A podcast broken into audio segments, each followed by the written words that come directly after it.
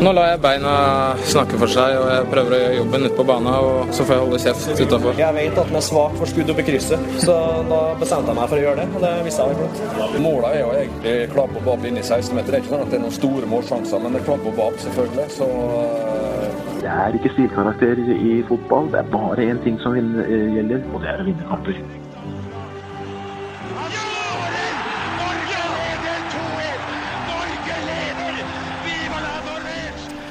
Og der er toppfotball tilbake, Lasse. Velkommen! Takk for det, Martin. Velkommen du også. Mange takk for det.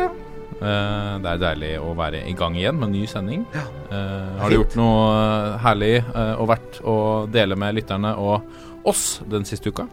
Jeg har vært en tur på Sørlandet. Ja, sann. Ja, Ikke for å se på fotball, Ikke for å skryte, si, men ikke for å eh, skryte. Vi har vært i en barnedåp, og da måtte vi også legge en liten tur innom Dyreparken. Siden jeg har to barn på to og fire som er veldig opptatt av en sånn pirat. Ja. Så jeg har kjørt, eh, jeg har kjørt en del båt på, et lite, på en liten innsjø i Dyreparken. ja, Det gikk lørdagen min til, da. er riktig. Og så så jeg første omgang Vålerenga-Tromsø på stream på mobilen mens vi venta på en sånn der eh, teatershow med Kaptein Sabeltann. Ja. Så sto der borti et hjørne og jubla vilt eh, flere ganger. eh, Og folk trodde sikkert jeg var klin gæren, men det må være greit. Det gikk jo greit oppe på Alfheim der. Det gikk veldig, veldig fint, altså. Ja, det, Det var bra i siste. si. Ja, det har vært bra et par kamper nå. Mm. Så det er fint, det. I dag har vi jo med oss en, eh, en, en gjest som vi har, eh, vi har mast litt på i, eh, i, i lengre tid. Han kan mast litt sjøl òg? Ja, og, så, og så begynte Altså vi, vi har spilt litt sånn Har han spilt litt hard to get, og så plutselig så så, så maste han litt tilbake. Uh, og det, er, eh, det, er, det var vi som begynte, da. Håkon, velkommen i studio, Håkon Lundov. Takk for det. takk for det. Veldig gøy å ha deg med. Uh, utviklingssjef i Strømsgodset. Ja. Eh, altså dette, dette er en mann, Lasse, som Det må jeg nesten spørre om. Du har jo vært uh, Du har en bachelor i science of football Mm. uh, fra John Moore University i Liverpool. Stemmer. Eh, og da jobba du på akademiet til Everton. Eh, men så, så føler jeg litt Jeg tenkte på det da vi gikk Vi gikk ned sammen til studio i dag. Så tenkte jeg litt på at han her har på en måte blitt proff sånn på trenersida, på en måte. Blitt utenlandsproff som trener. Ja. Det er ganske kult. Følte du det litt sånn? Da du, for du blei med, ble med Ronny Deila til Celtic.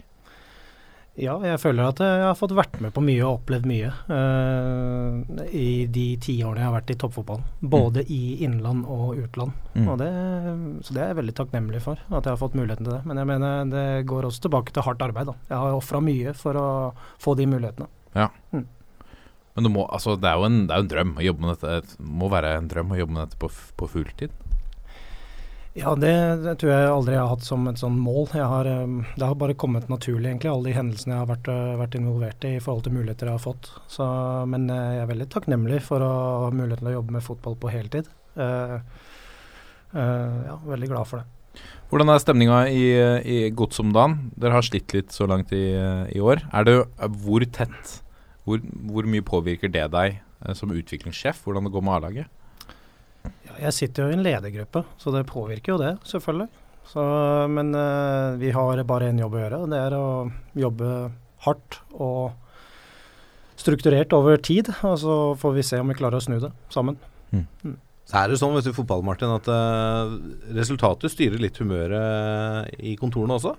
Så en mandag etter uh, seier i helga, den er, det, er gode mandager på kontoret. Men så har du tapt eller spilt en litt dårlig øvert, så er det litt sånn der muggen stemning eh, gjerne både i spillergruppa og i administrasjonen. Så det er, det er veldig sånn i hvert fall mitt, min erfaring da fra fotballen er at det, du blir jo naturlig nok veldig resultatstyrt. da. Jeg mener eh, Det der er fælt uh, veldig mye på veldig mange ulike måter. Uh, og eh, det, vi er litt der i godset nå, og, men samtidig så på sitt beste så har jeg erfart Strømsgodset som veldig langsiktig. Mm. Eh, og da klart at når vi har tapt kamper, så har vi på en måte vært ferdig med det når vi kommer inn igjen. Enten dagen etterpå eller to dager etterpå. Mm. Hatt fri dagen etter Mm. kamp. Mens nå er det litt mer Mens uh, f.eks. i Celtic, så husker jeg jo det. Vi hadde jo en tung start, eh, Ronny og, og jeg, da, hvis jeg skal omtale det som det. Og da husker jeg altså det, det hatet du så i blikket på de ansatte der når du kom inn der da. Hvem er de to nordmennene her som eh, skal styre den skuta her, den store klubben her? Og det satt i dager, altså. Ja.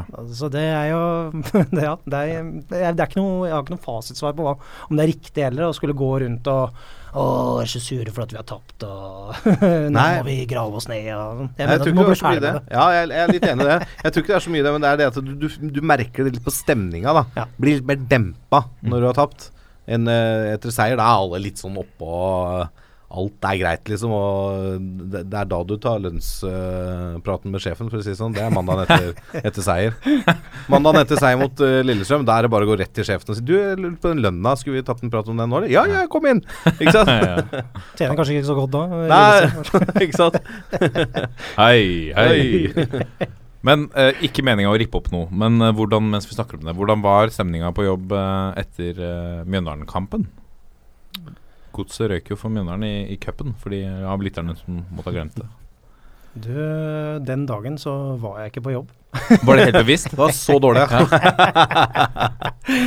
Så Den er grei. Jeg, jeg, jeg, jeg, kan, jeg kan ikke si Men det, det, det, det var et stort uh, tap for oss. 24 år siden. Ja. Altså, det har jo Mange av de våre unge spillere har ikke vært med på den gang å tape for Mjøndalen. Så mm, ja, den sitter Den sitter Den sitter. For jeg, jeg snakka om Håvard måtte eh, Nå er det jo en stund siden Håvard har vært med, for han er midt i et TV-prosjekt, og da går, da går dagene og kveldene. Eh, han gleder seg til å komme tilbake. Uh, skulle hilse til lytterne. Det er jo hyggelig, en litt pussig sak. Men han, måtte, jo- han ringte meg jo. Eh, han er glad i å FaceTime òg, for han er glad i å vise følelser av mannen. Så, og da, da, da ringte han, og så var han bare Han sa nesten ingenting, bare etter, eh, etter Mjøndalen-kampen. Men Så var han eh, ringte deg Han ringte, for å være stille. For å nesten være stille. Bare sånn. Hei, Martin.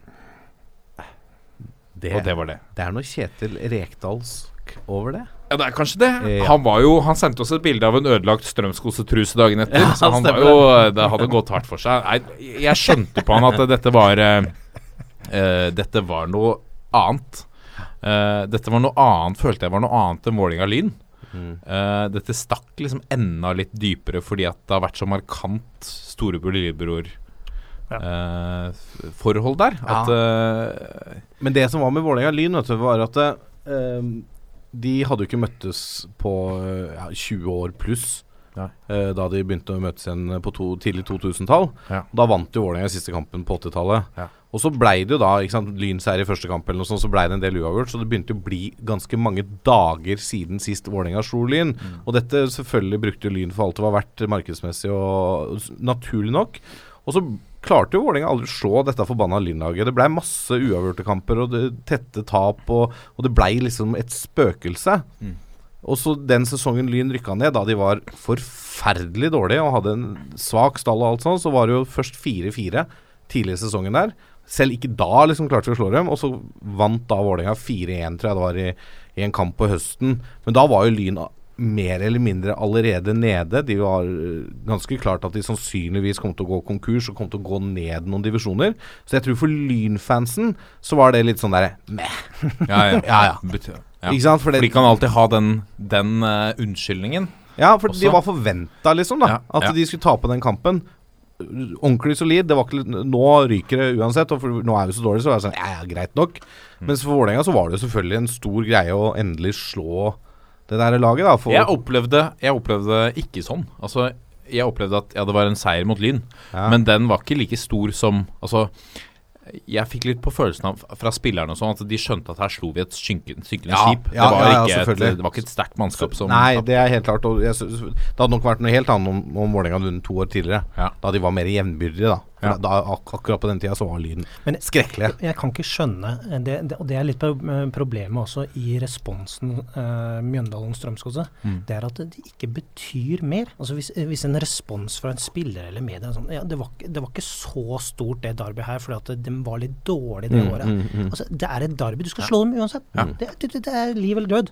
Ja, For jeg- det er det for fans, det er det for, uh, for folk som har identitet til logoen. De som, ja, de som er, mm, lever og ånder for dette her, om det er et tredjedivisjon uh, du ligger på, eller i Eliteserien. Ja. altså, men så begynner du å spekulere. Nei, det var ikke så stort, for at Mm. det var et spenn mellom laget. Altså, det, Jeg, jeg er helt enig. For meg så var den lynseren stor. Mm. Det var liksom et ordentlig høydepunkt denne sesongen. Og jeg husker også hvordan uh, Fella skåra et mål der, Seternes skåra et par. Jeg husker hvordan de jubla da de satt uh, skåringene sine. Det så ut som det betydde en del for de spillerne òg, altså, og, og de gikk ut på banen selv om de var favoritter. Og, men de, var, de måtte gjøre jobben, og de gikk ut der og ordentlig trøkka til. Og det var noen taklinger i den kampen der som var helt uh, hesene, Doffen blant annet uh, var jo helt on fire i den kampen. Og, og takla høyt og lavt. Og det, det betydde nok mye for spillergruppa og for supporterne, altså. Men det er noen som liksom er sånn, og, og kanskje spesielt Lyn-supporterne, men det er kanskje en sånn derre forsvarsmekanisme òg, da. Ja ja. Nå tapte vi, det var forventa, liksom. Mens for Vålerenga så var det mye større. Ja. Men, men, og et stort problem uh, for norsk fotball hvis vi mister uh, de oppgjørene. Mm. Fordi at eh, vi sa hvis vi hadde fått den cupkampen hjemme, så hadde det vært den eneste kampen i året det hadde vært eh, fullt 8500 på Marienlyst. Mm. det hadde ikke fulgt opp eh, mot Rosenborg engang. Det hadde vært eh, 7500. Mm. Eh, så den kampen, eh, og hvis vi begynner sånn Nei, det var, det var ikke så farlig. Det, det, de er litt forskjell nå. Vi er ikke i samme divisjon. Og, altså, det er et lokalt arbeid. Det skal vinnes fra begge fronter, og det er hat og død, og det er alt. Nei, eh, den, eh, den kampen også, Det var vel den på, den eh, på mange måter den kampen som også beseila David Nilsens skjebne. Da de spilte vel uavgjort her, tror jeg, på borte mot For noen år Mjøndalen. For noen år tilbake. Ja. Det, men, det mener i hvert fall Lilleheie. Ja, det, er, ja, det vet jeg ikke, for han fikk sparken en del kamper etter det. Ja. Mm. det som, om den uavgjorten hjemme, ja, det, for det var jo andre seriekamp Ja. i um, 2015. Så ja. Men det hjalp vel ikke, da, i Nei, her, å ikke slå Kan ikke ha Mjøndalen. gjort det. Kan ikke ha gjort det. Vi, eh, vi skal gjennom veldig mye spennende i dag. Vi må rase videre. Uh, vi skal jo Vi har fått litt e-poster, blant annet. Vi skal kikke litt på. Til toppfotball.451.no. Oi, oi, oi. Ja. Endelig. Ja. Endelig, Martin, har du fått e-post. Og så skal vi snakke masse, masse utvikling eh, og, og spillerutvikling med deg, Håkon. Det gleder vi oss til. Uh, I Pulsen så må vi touche inn på et, en gammel storhet i, i Østfold, Fredrikstad, som er virkelig ute å kjøre. Mm. Um, skal vi selvfølgelig også se nærmere på, på eh, landslagene våre, U21 og, og A-landslaget. Vi skal ta ut et lag. Uh, hjelpe Lars Lagerbäck med det. Ja. Det skal bli, skal bli fint. Blir ryddig. uh, men all, det, blir, det blir ryddig. Ja. Det blir på sin plass. Det er jeg helt innafor. Men aller først så må vi eh, hylle en 21-åring. Fantastisk. Eh, Ada Hegerberg. Eh, 20 mål på 20 kamper fra start i år. Eh, syv kamper fra start i Champions League, fire skåringer. Uh, Kåra til Europas beste, kåra til verdens beste av BBC. Eh, stemte inn på verdenslaget som midtspiss av 3200 andre kvinnelige fotballspillere. Eh, og nå eh, Champions League. Eh, bøtta. Ja. En, en, en varm applaus, eller? Ja. Applaus og Ada. Var det ikke The Trouble òg? Vant ikke det som Jo, kunne det vinnes? Det er, jo, det er jo verdens beste klubblag for kvinner. Ja, og hun er en av verdens beste fotballspillere. Hun er jo eh, Hun er jo den største fotballstjerna vi har Ja. Eh, per i dag. Og nå uh, NFFs hederspris. hederspris. Men det er, det er jo fortjent. Altså, jenta er jo et unikum uh, som spiss og målskårer. Og det hun har fått til, og de, den klubben hun har gått til Altså Hun spiller for verdens beste klubb Mm. og er fast Mm. på verdens beste klubb og er ekstremt viktig for verdens beste klubb. Ja. Det er liksom det er, det, er, det er ikke så lett å si noe negativt om uh, den jenta, egentlig. Nei, Det det har jeg er, ikke tenkt å gjøre heller. Nei. Bare sånn, det er sagt. det er bare å, å bøye seg i støvet. Tenk da om vi hadde hatt Altså hun, eh, Det er hun og Ronaldo som, er, eh, som, som står der. Ja. Altså Ja, jeg, jeg, jeg tror ikke vi i Norge helt skjønner hvor, hvor stor hun er for uh, kvinnefotballen. Nei, det er um, det, er, det er veldig, veldig stort. Ada Hegerberg, grattis. Uh, vi må også ehm, Vi har fått noen ratings. Skal vi hylle oss selv? Du skal Fra én hyllest til en annen. Ja, ja, Jeg lener meg tilbake. Vi har ratings eh, på iTunes. Vi har fått tre siden sist. Er det noe ris? Eh, det er eh, fem stjerner ganger tre, så det tror jeg ikke. Ja. Vi begynner med Seb Giovincho. Ja. Eller noe sånt. Ja, takk, skriver han. Takk for ukentlige lydbølger. Liker spesielt godt når pulsen kommer. Eh, når kommer sluttspillspesialen om EM 2000? For eh, jeg regner med den skal komme, sier han. Ja, han skal komme.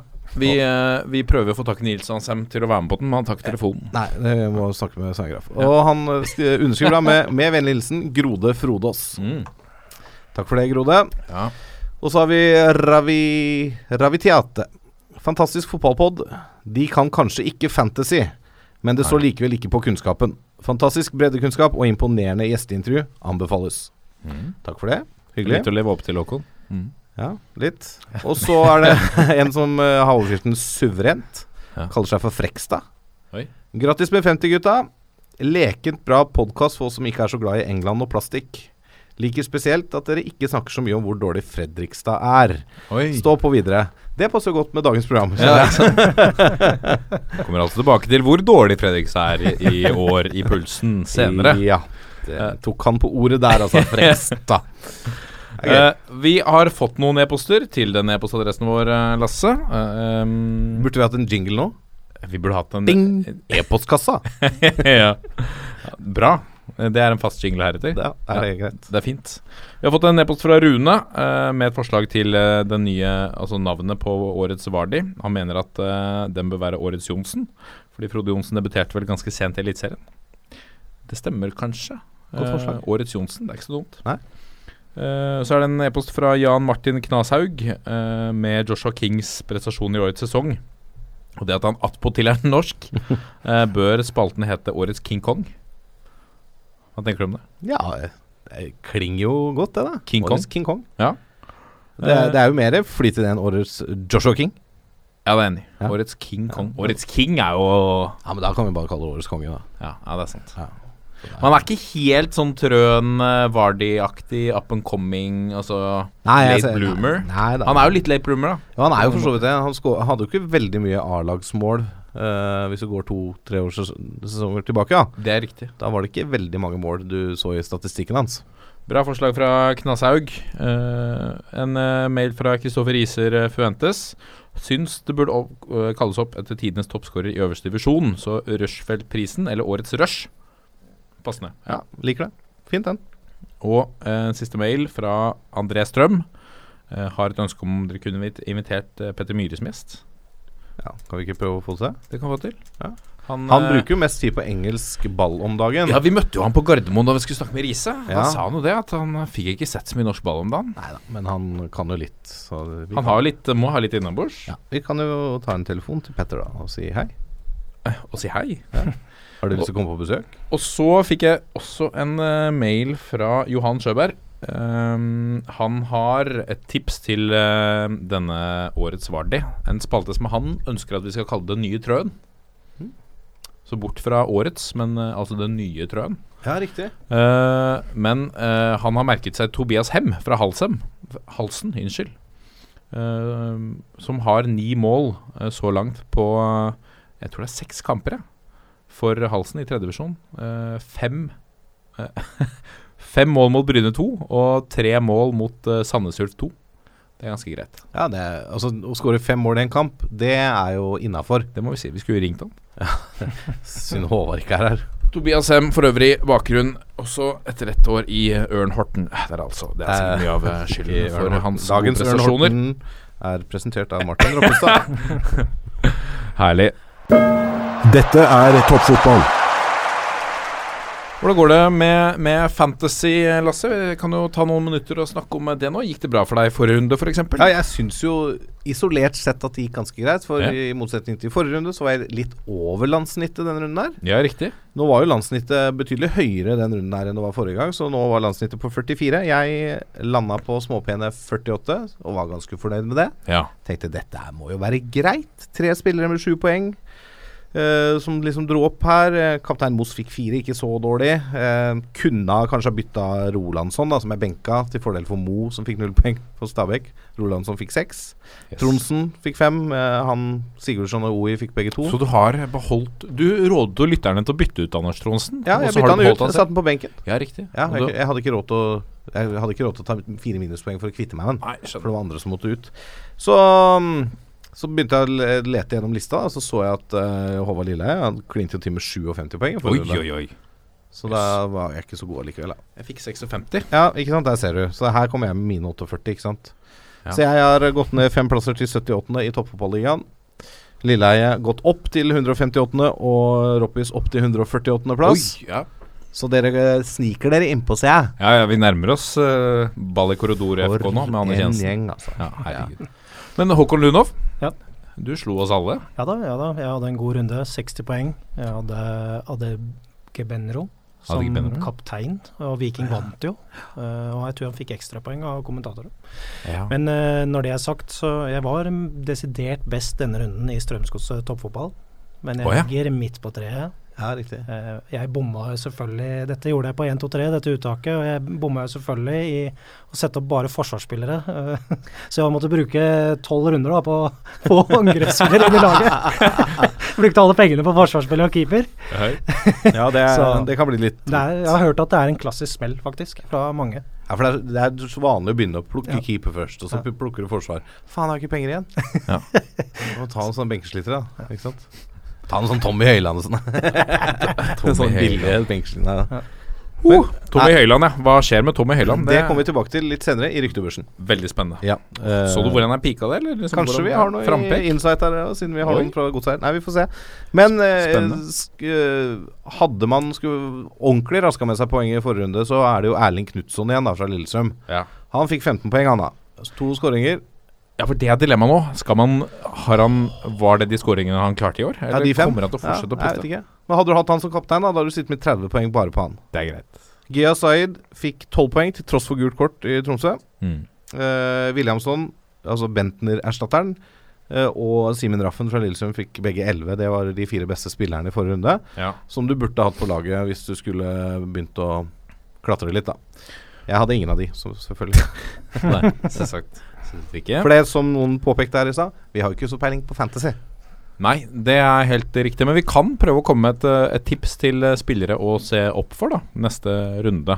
Apropos Erling Knutson, nå, nå møter de jo Viking hjemme. Det, Ja. det, det er jo fortsatt Vi skal gjennom en landslagshelg først. Ja, ikke sant. Mye kan skje på den halvannen uka på trening. Eh, Viking fikk jo den der seieren sin nå.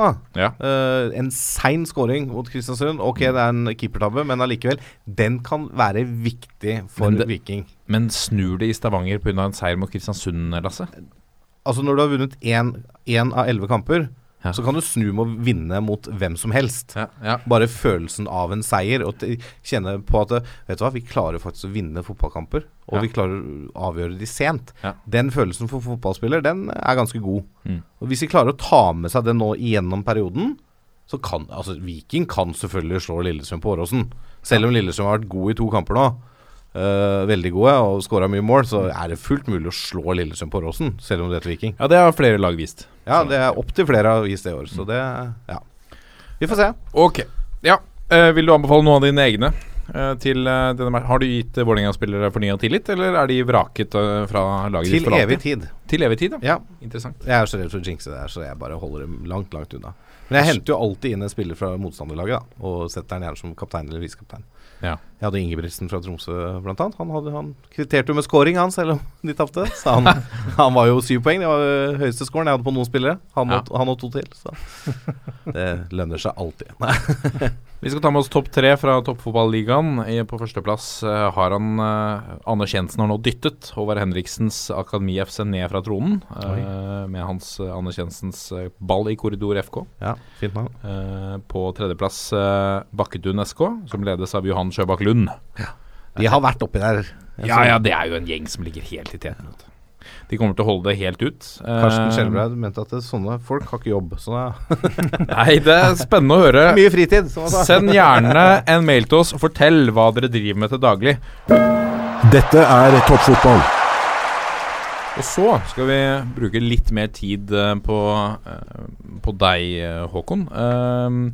Det er veldig gøy å ha deg i studio, for du er en av de som, som eh, skal sørge for at, eh, at vi får enda bedre spillere framover.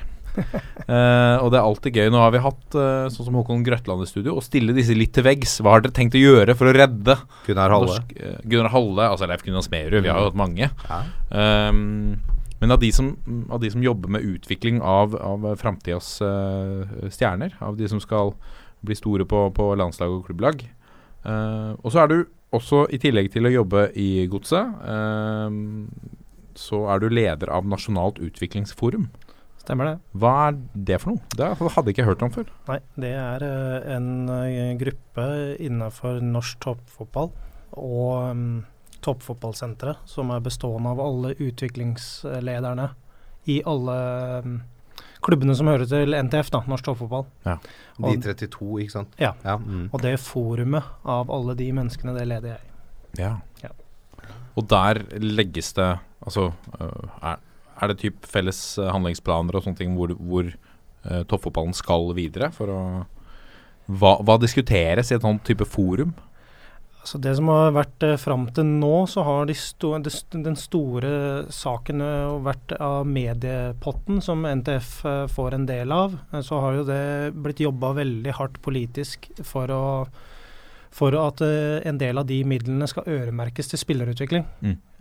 Og der har Øyvind Iversen og Espen Olavsen gjort en fantastisk jobb. Og da har det forumet fått mandatet til å til å avgjøre uh, litt i, i dybden og detaljer hvordan de pengene skal brukes. Uh, og så er det også en sparringspartner på denne akademiklassifiseringa som rulles ut nå. Uh, fordi at det, det er nødt til å, å vedtas og, ute i klubbene. Da, og da å ha kontaktflate med alle utviklingsledere på ett og samme sted tre til fire ganger i året. Det er en avgjørende fase. Ja, fordi vi, vi hadde jo eh, for noen uh, par uker siden så hadde vi Josimar, redaktør Frode Lia, uh, i, i studio. Hvor det også var snakk om, om akademiklassifiseringa. Mm. Uh, og dette har jo vært diskutert litt, litt frem og tilbake. Og så kom det en Det var jo en, en stor sak i, i Josimar som tok for seg uh, klassifiseringa. Uh, hvor du også var ute og diskuterte litt. Dere endte opp med å diskutere litt begge to. Men, men hva, hva er dere Altså Dere sitter jo Dere er jo ønsker, Jeg vil tro at dere begge ønsker det beste for norsk fotball. Hva er det dere er, eller hva er Josimar og, og dere i Utviklingsforumet som står bak dette? Hva er det grunnleggende dere er uenige om? Mm, Det vi er uenige om, er eh, rett og slett at jeg mener at et prosjekt Hvis vi skal prøve å få gjort noe i norsk fotball nå, og akademiklassifiseringa er et prosjekt som tar et oppgjør med ståa og sier egentlig at ting er ikke godt nok. Og da mener jeg at når noen først gjør det, som også jobber med det, eh, innrømmer det da, ydmyke nok i forhold til det, så må vi gi det tid. Ja. Og, og da, når det da også er artikler i Josimar som jeg ikke mener har gjort en god nok journalistisk jobb, da. At de vil ha et kritisk blikk på det, det gjør ingenting. Men jeg mener at de har ikke satt seg inn i um, klassifiseringa godt nok. Mm. eh, og, og forstår godt nok hva de, hva de skal prøve å gjøre. Ja. Og det er det også en del andre, dessverre, som mener litt for mye før de har lest. Og at det er en kompleks sak hva man skal prøve å gjøre. Ja, det er det. Og det krever kanskje av og til prosesser. da. En kompleks sak. Og det er et ganske omfattende dokument da, som uh, forklarer i dybden hva, hva som skal bli gjort. Men uh, og jeg føler ikke når jeg leser eh, Jeg var tidlig ute. og Jeg leste bare lederen, og jeg skjønte hvilken retning, og da fyrte jeg av. Og fikk jo massiv respons på det. eh, og så har jeg blitt anklaga i ettertid for at jeg ikke leste Josimar eh, og de artiklene, men det har jeg gjort. Og da, det bare bekrefter jo. En leder eh, setter jo en standard, og lederen i det Josimar setter jo standarden for hva, hva innholdet der var da. Og jeg mener at de har ikke gjort en god nok jobb da, i tillegg til at jeg ber anstendig om at eh, tid, eh, et sånt prosjekt trenger tid. Den artikkelen som jeg har skrevet også på mine kommentarer, den må komme om fem til ti år. Så lang tid tar det.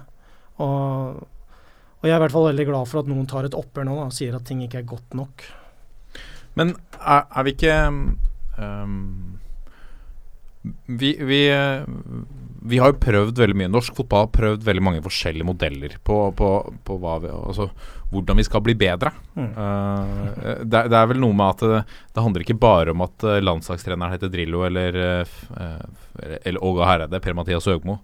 Uh, men, men det må skje noe med hele med hele den norske fotballen. Mm. Virker sikkert på de som sitter litt på utsida, som om norsk fotball har stått stille siden Rosenborg ble slått ut av Champions League for, uh, for siste gang. Mm, mm. Uh, vi har ikke kommet til mesterskap siden 2000. Det er 17 år siden.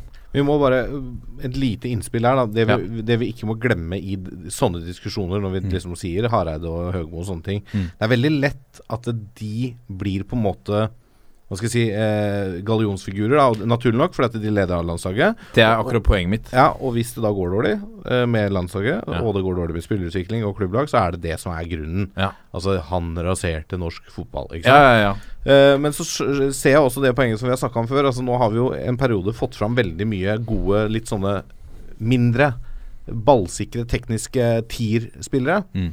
Og kanskje glemt De store, sterke stopperne. De store, sterke spissene som Norge har vært kjent for tidligere. Eh, så det er sånn Og det tror jeg også er veldig mediestyrt på mange måter. Mm. For det er liksom, ja, vi har savna å ha fotballspillerne. Vi har bare vært kalk, eh, tupp og mæl, ikke sant. Og så har det blitt Fordi jeg tror sånne ting styres. Altså Men- klubber og fotballens liksom Ja. Men, altså, men, eh, i forhold til profiler, da, Altså, Mm. først må vi, vi eh, skal prøve å ta på meg en litt sånn tøff hatt. da. Og Ja. vært ute i det store og jobba faktisk med noen store stjerner òg. Mm. Så er det sånn Hvor gode er egentlig de spillerne her?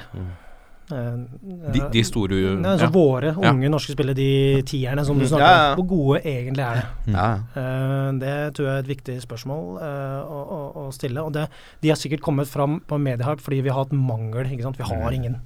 Så uh, da til slutt så har vi jo eh, altså Ikke noe vondt om spilleren, da, men så til slutt så hyper vi på en Martin Samuelsen. Mm. Han sitter på benken i Blackburn og ben benken i Peterborough. Mm. Det er det vi har å ta tak i. Ja. Altså, men det er jo dessverre da tilbake til at vi Istedenfor å diskutere fotball og ting ikke er godt nok, hva er ikke godt nok, hva skal vi gjøre, hvordan skal vi jobbe, hvor, så er vi bare Vi må ha en profil. Ok, vi, han her hadde en bra kamp, han hadde en bra dribling. Ok, han her er stor stjerne. stjerne. Uh, så, men det er bare en liten sak, da. Er, vi er på et veldig utfordrende sted i forhold til norsk fotball. eh, og i forhold til eh, hva er godt og hva er ikke godt. Jeg kan snu litt på det, ikke sant? du nevner det. Mm. De tierne, og da Martin Samuelsen, eller Martin Ødegaard, da. Mm. Som har vært sånn ikke kjempegod i Heerenveen. Eh, La oss være ærlige, han har jo ikke vært det. Har ikke litt skader, han har ikke vært kjempegod i æresdivisjonen. Og så snur du litt på det, så har du Håvard Nordtveit. Fått masse kritikk for at han ikke har vært god på landslaget, han har vært dårlig. Han spilte fast for Borussia Mönchengladbach inntil i fjor sommer, og har ganske mange kamper for Westham i Premier League i år. Ikke alle har vært like gode, men han spiller ganske ofte på et ganske høyt nivå. Det er jo ikke en dårlig fotballspiller. Nei. Og her snakker du om forsvarsspiller defensiv midt, Mm. som vi har klart å få fram. Mm. Men han får allikevel, når han omtales i media, så får han kritikk. Av oss også. Vi har kritisert den vi òg for innsatsen på landslaget. Første til å innrømme det. Men han får kritikk. Selv om han spiller på et mye høyere nivå enn både Samuelsen og Ødegaard og alle de gutta der. Uke ut, uke inn. Mer eller mindre. Men det som jeg da syns er spennende, da, det er eh, tilbake til akademiklassifiseringa. Det Ja. er at jeg syns det er spennende at noen tar et oppgjør og, ikke sier at, eh, og sier at ting ikke er godt nok. Og det gjør eh, Det er utgangspunktet til klassifiseringa. Vi er nødt Ja, for- til å ta et løft. Ja, Et felles løft. Og, eh, og det, det Hvis du tar måloppnå... Altså, for, forbundet eh, har jo sin, sine mål. De har hatt de samme måla i ja, jeg vet ikke hvor mange år. Men ingen av dem, bortsett fra dam, på damesida, men på herresida, er ingen oppnådd. Og det har aldri blitt snakka om. Mens nå har jeg vært i noen, noen seanser hvor de begynner å løfte opp dette her. Ja, ok, check, eh, ikke check. Og det er ikke check, ikke check, ikke check på måloppnåelse. Da begynner vi. Ok, hva gjør vi nå? Skal vi ha de samme måla, ta et oppgjør med hva vi gjør, eller skal vi dempe måla litt? Grann? Og her kommer eh, i hvert fall NTF og Toppfotballsenteret med klassifiseringa inn, da, som prøver å være med på den reisen der og sier at ok, vi har ikke nådd målet, nå må vi gjøre noe. Hva gjør vi? Eh, let's go. Men for å bruke dine egne ord, altså, akademiklassifiseringa er et slags oppgjør med det som har vært. At nå er det Nå må vi på en måte brette opp erma og, og, og vrake det vi har gjort, og gjøre Vi må begynne på nytt. Ikke nødvendigvis vrake hva vi har gjort, men gjøre det vi gjør enda bedre, og sette standarden og referansene i forhold til det vi vet om det som skjer ute. Det som er bra vet du, i norsk fotball, og med sånn som vi nordmenn er, det er at vi vet ganske mye. Vi diskuterer eh, ganske mye mellom oss. Eh, og vi har muligheten til å reise ut, for vi er ganske ålreite folk. Eh, så vi kan reise ut og hente, hente inn, fordi at, og de føler ikke trussel heller, utenlandske miljøer. ikke sant? Når Ola Nordmann kommer ned dit og spør kan vi få vite litt hvordan det driver, ja selvfølgelig. du Ja, de er ikke redde for Eliteserien. Nei, så da får vi ganske mye informasjon, men vi er ikke i nærheten til å bruke den informasjonen. Og det eh, føler jeg at uh, klassifiseringa nå setter dette her skikkelig system. Og jeg selv da, som utviklingsleder i uh, Strømsgodset prøver å sette en standard fra de tingene jeg har erfart og, og mine referanser. Mm. Og så får jo vi klassifiseringa inn hos oss, og da får jo vi et oppgjør rett i trynet på at dette her gjør det ikke bra nok, dette her gjør det ikke bra nok. Og det syns jeg er kult, da. Mm. da eh, for jeg sitter jo på min tur og tenker hm, jeg, jeg jobber i Strømsgodset, vi har eh, referansene, vi vet hva som skal til, vi har gjort dette her før. Men de sier det, det her kan dere ikke gjøre dette her bedre, kan dere ikke gjøre dette her bedre. Og mm, i hvert fall jeg som er utviklingsorientert, jeg syns at det er kult, og det må til. Hvis noen i norsk fotball sitter og mener at hva, dette her er bra eller dette er godt nok, da, altså da, da må du se et større bilde. Ellers så får vi bare lukke, lukke alle dørene. altså Konkurrere i Eliteserien, glemme Europacup, og så bare med vinnerne er vinneren, og de gjør best i verden. Altså Lage vår egen Champions League, da. Ja, Det- har vi prøvd før med Royal League. Ja, Det var begrensa suksess. men, eh, men er det sånn at eh, dette også åpner for at uh, kanskje i større grad tidligere, nå vet jeg ikke det har vært, men at man er mer avhengig av kompetanseutveksling imellom uh, konkurrerende klubber? For å løfte, gjøre et felles løft for norsk fotball? Er det det dette forumet handler litt om? Ja, altså mm, Det er jo en av nå, Om jeg nødvendigvis er enig i det, det vet jeg ikke, men det er en av eh, kjepphestene til mange i utviklingsmiljøene. At eh, hvis vi skal klare å løfte oss i norsk fotball, så må vi samle ressursene. De samla ressursene fra 32 klubber eh, i norsk toppfotball, da, i økonomi, er tilsvarende eh, Jeg tror det er nummer 14 største klubben i Europa. Så da har vi jo et utgangspunkt. Og da, det da skulle det vært ett maskineri da, felles for å få til dette her. Mm. Så hadde det vært den 14. største klubben. Så, men, eh, men eh, jeg tror i hvert fall vi har en Det som eh, jeg liker det ordet, vi har en delingskultur i norsk fotball. Mm. Og den eh, og den styrken, den kan vi benytte til eh, en, en fordel for oss. Og det tror jeg vi også gjør. Eh, men om vi, så kan vi diskutere om det er riktig. Men um, akademiklassifiseringa, for, for de av lytterne som, eh, som ikke kjenner så godt til den, Ja. så, er det, så er det, som du sier, så er det en, eh, det er en måte å eh, bruke mye av pengene, eller en, en, en del av pengene, det er, det er så Ja. mye penger fra TV-avtalen, til uh, målretta spillutvikling. Mm. Eh, og de tingene som har fått litt kritikk, er at uh, storklubbene, eller uh, altså NTFs, Norsk Toppfotballs medlemsklubber, de 32, Ja. skal da få midler som belønner satsing på spillere i en akademiform i tidlig alder. Ja, der kommer en av de kildefeilene Ja. inn. Fordi at det er ti hovedområder i klassifiseringa. Eh, og et av de f.eks. er samarbeidsklubber, samarbeidsmodeller. Og da uh, er det, kan du få uh, poeng i den klassifiseringa for å ha et samarbeid med lokale klubber, og at spillerne hører til de. Og at, at du kanskje tar de, spillerne, de beste spillerne fra de miljøene inn på tiltak. Mm. Alle av, eh, som jeg vet at dere har skrytt av, og, og, og mm, Josimar, som Odd. Mm. De henter jo ikke spillerne før de er 16 år. Uh, vi også i Strømsgodset henter spillerne først når de er 15 år, men har et samarbeid med 25 lokale klubber rundt oss. Mm. Hvorav spillerne kommer inn hos oss og trener én til tre dager i uka og er med oss på noen turneringer gjennom året. Fra de er eh, 12-13 år gamle. Men de hører til sin egen klubb fram til de er 15. Uh, og jeg kan ikke se noe eh, utfordring i det, at vi eh, først når de er 15 tar en avgjørelse på om de skal inn i et mer strukturert format dag til dag. Da. Kall det et A-lagsløp, liksom. Og, Ja. og vi eh, får ikke noe får ikke noe minuspoeng for at vi ikke henter spilleren eh, tidlig nok. Vi får heller et plusspoeng. Så det, den modellen er kompleks. Det var det jeg starta med å si. Så du, det kan godt være at vi får plusspoeng på den, den segmenten av klassifiseringa, samarbeidsmodeller, Mm. mens vi kanskje får mindre poeng fordi at eh, spilleren, hvis vi henter en spiller når han er 15 år, så vil ikke han være det som kalles loose-spiller, lokalt utviklet spiller, før han er 18-19 hos oss. Mens hvis Ja. han er hos oss eh, fra han er 12, Mm. så vil han jo være det når han er 15. Og det vil gi en verdi da, på en boble som heter produktivitet. Mm. Og det er å skape spillere som spiller i alle de største ligaene, i Eliteserien, Obos-ligaen osv.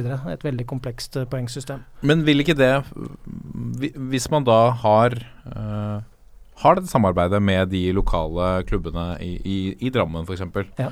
uh, og man i tillegg da henter spillere før de fyller tolv, da, Ja. så vil jo tikke opp flere bokser og få flere poeng i henhold til denne modellen. Nei, for da vil ikke vi kunne tikke av på samarbeidsmodeller. Da får du altså at spillerne hører til sine egne lokale klubber og er der, eh, og du har et samarbeid som Uh, altså Her gjør jo mange klubber i Norge det veldig ulikt, Mm. og det er det også modellen, uh, altså kla klassifiseringa av prosjektet er for, da.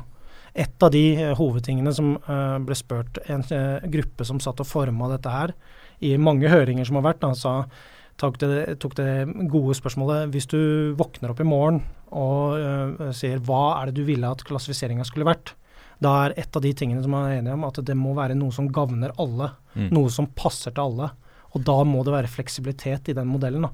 Så én klubb jobber med at spillerne er lenge i sin egen lokale klubb og skal få poeng, eh, poeng for det. Og andre klubber tar spillerne inn veldig tidlig, for det passer i deres område, og får poeng for det. Eh, eh, og vice versa. Så det, det, og det er viktig å forstå. Da. Så det eksempelet som var her når Frode var her, jeg hørte på den uh, episoden, det med, med Oslo-klubbene, altså, da er det opp til Vålerenga og Stabæk, hvis det er en uh, Oslo-klubb, å uh, gjøre en god jobb med de lokale klubbene rundt. Så vil de tikka på eh, samarbeidsmodeller. Fordi at de har et godt samarbeid med sine lokale klubber rundt. Og det tror jeg det, det stilles jo kanskje spørsmålstegn ved om de har det. Og da er det samarbeid på spillerfronten, at de spillerne kan komme og trene litt med Kall det toppfotballklubben, og også kanskje da kompetanseutveksling trenere. Mm, Selvfølgelig. Ja. Mm. selvfølgelig.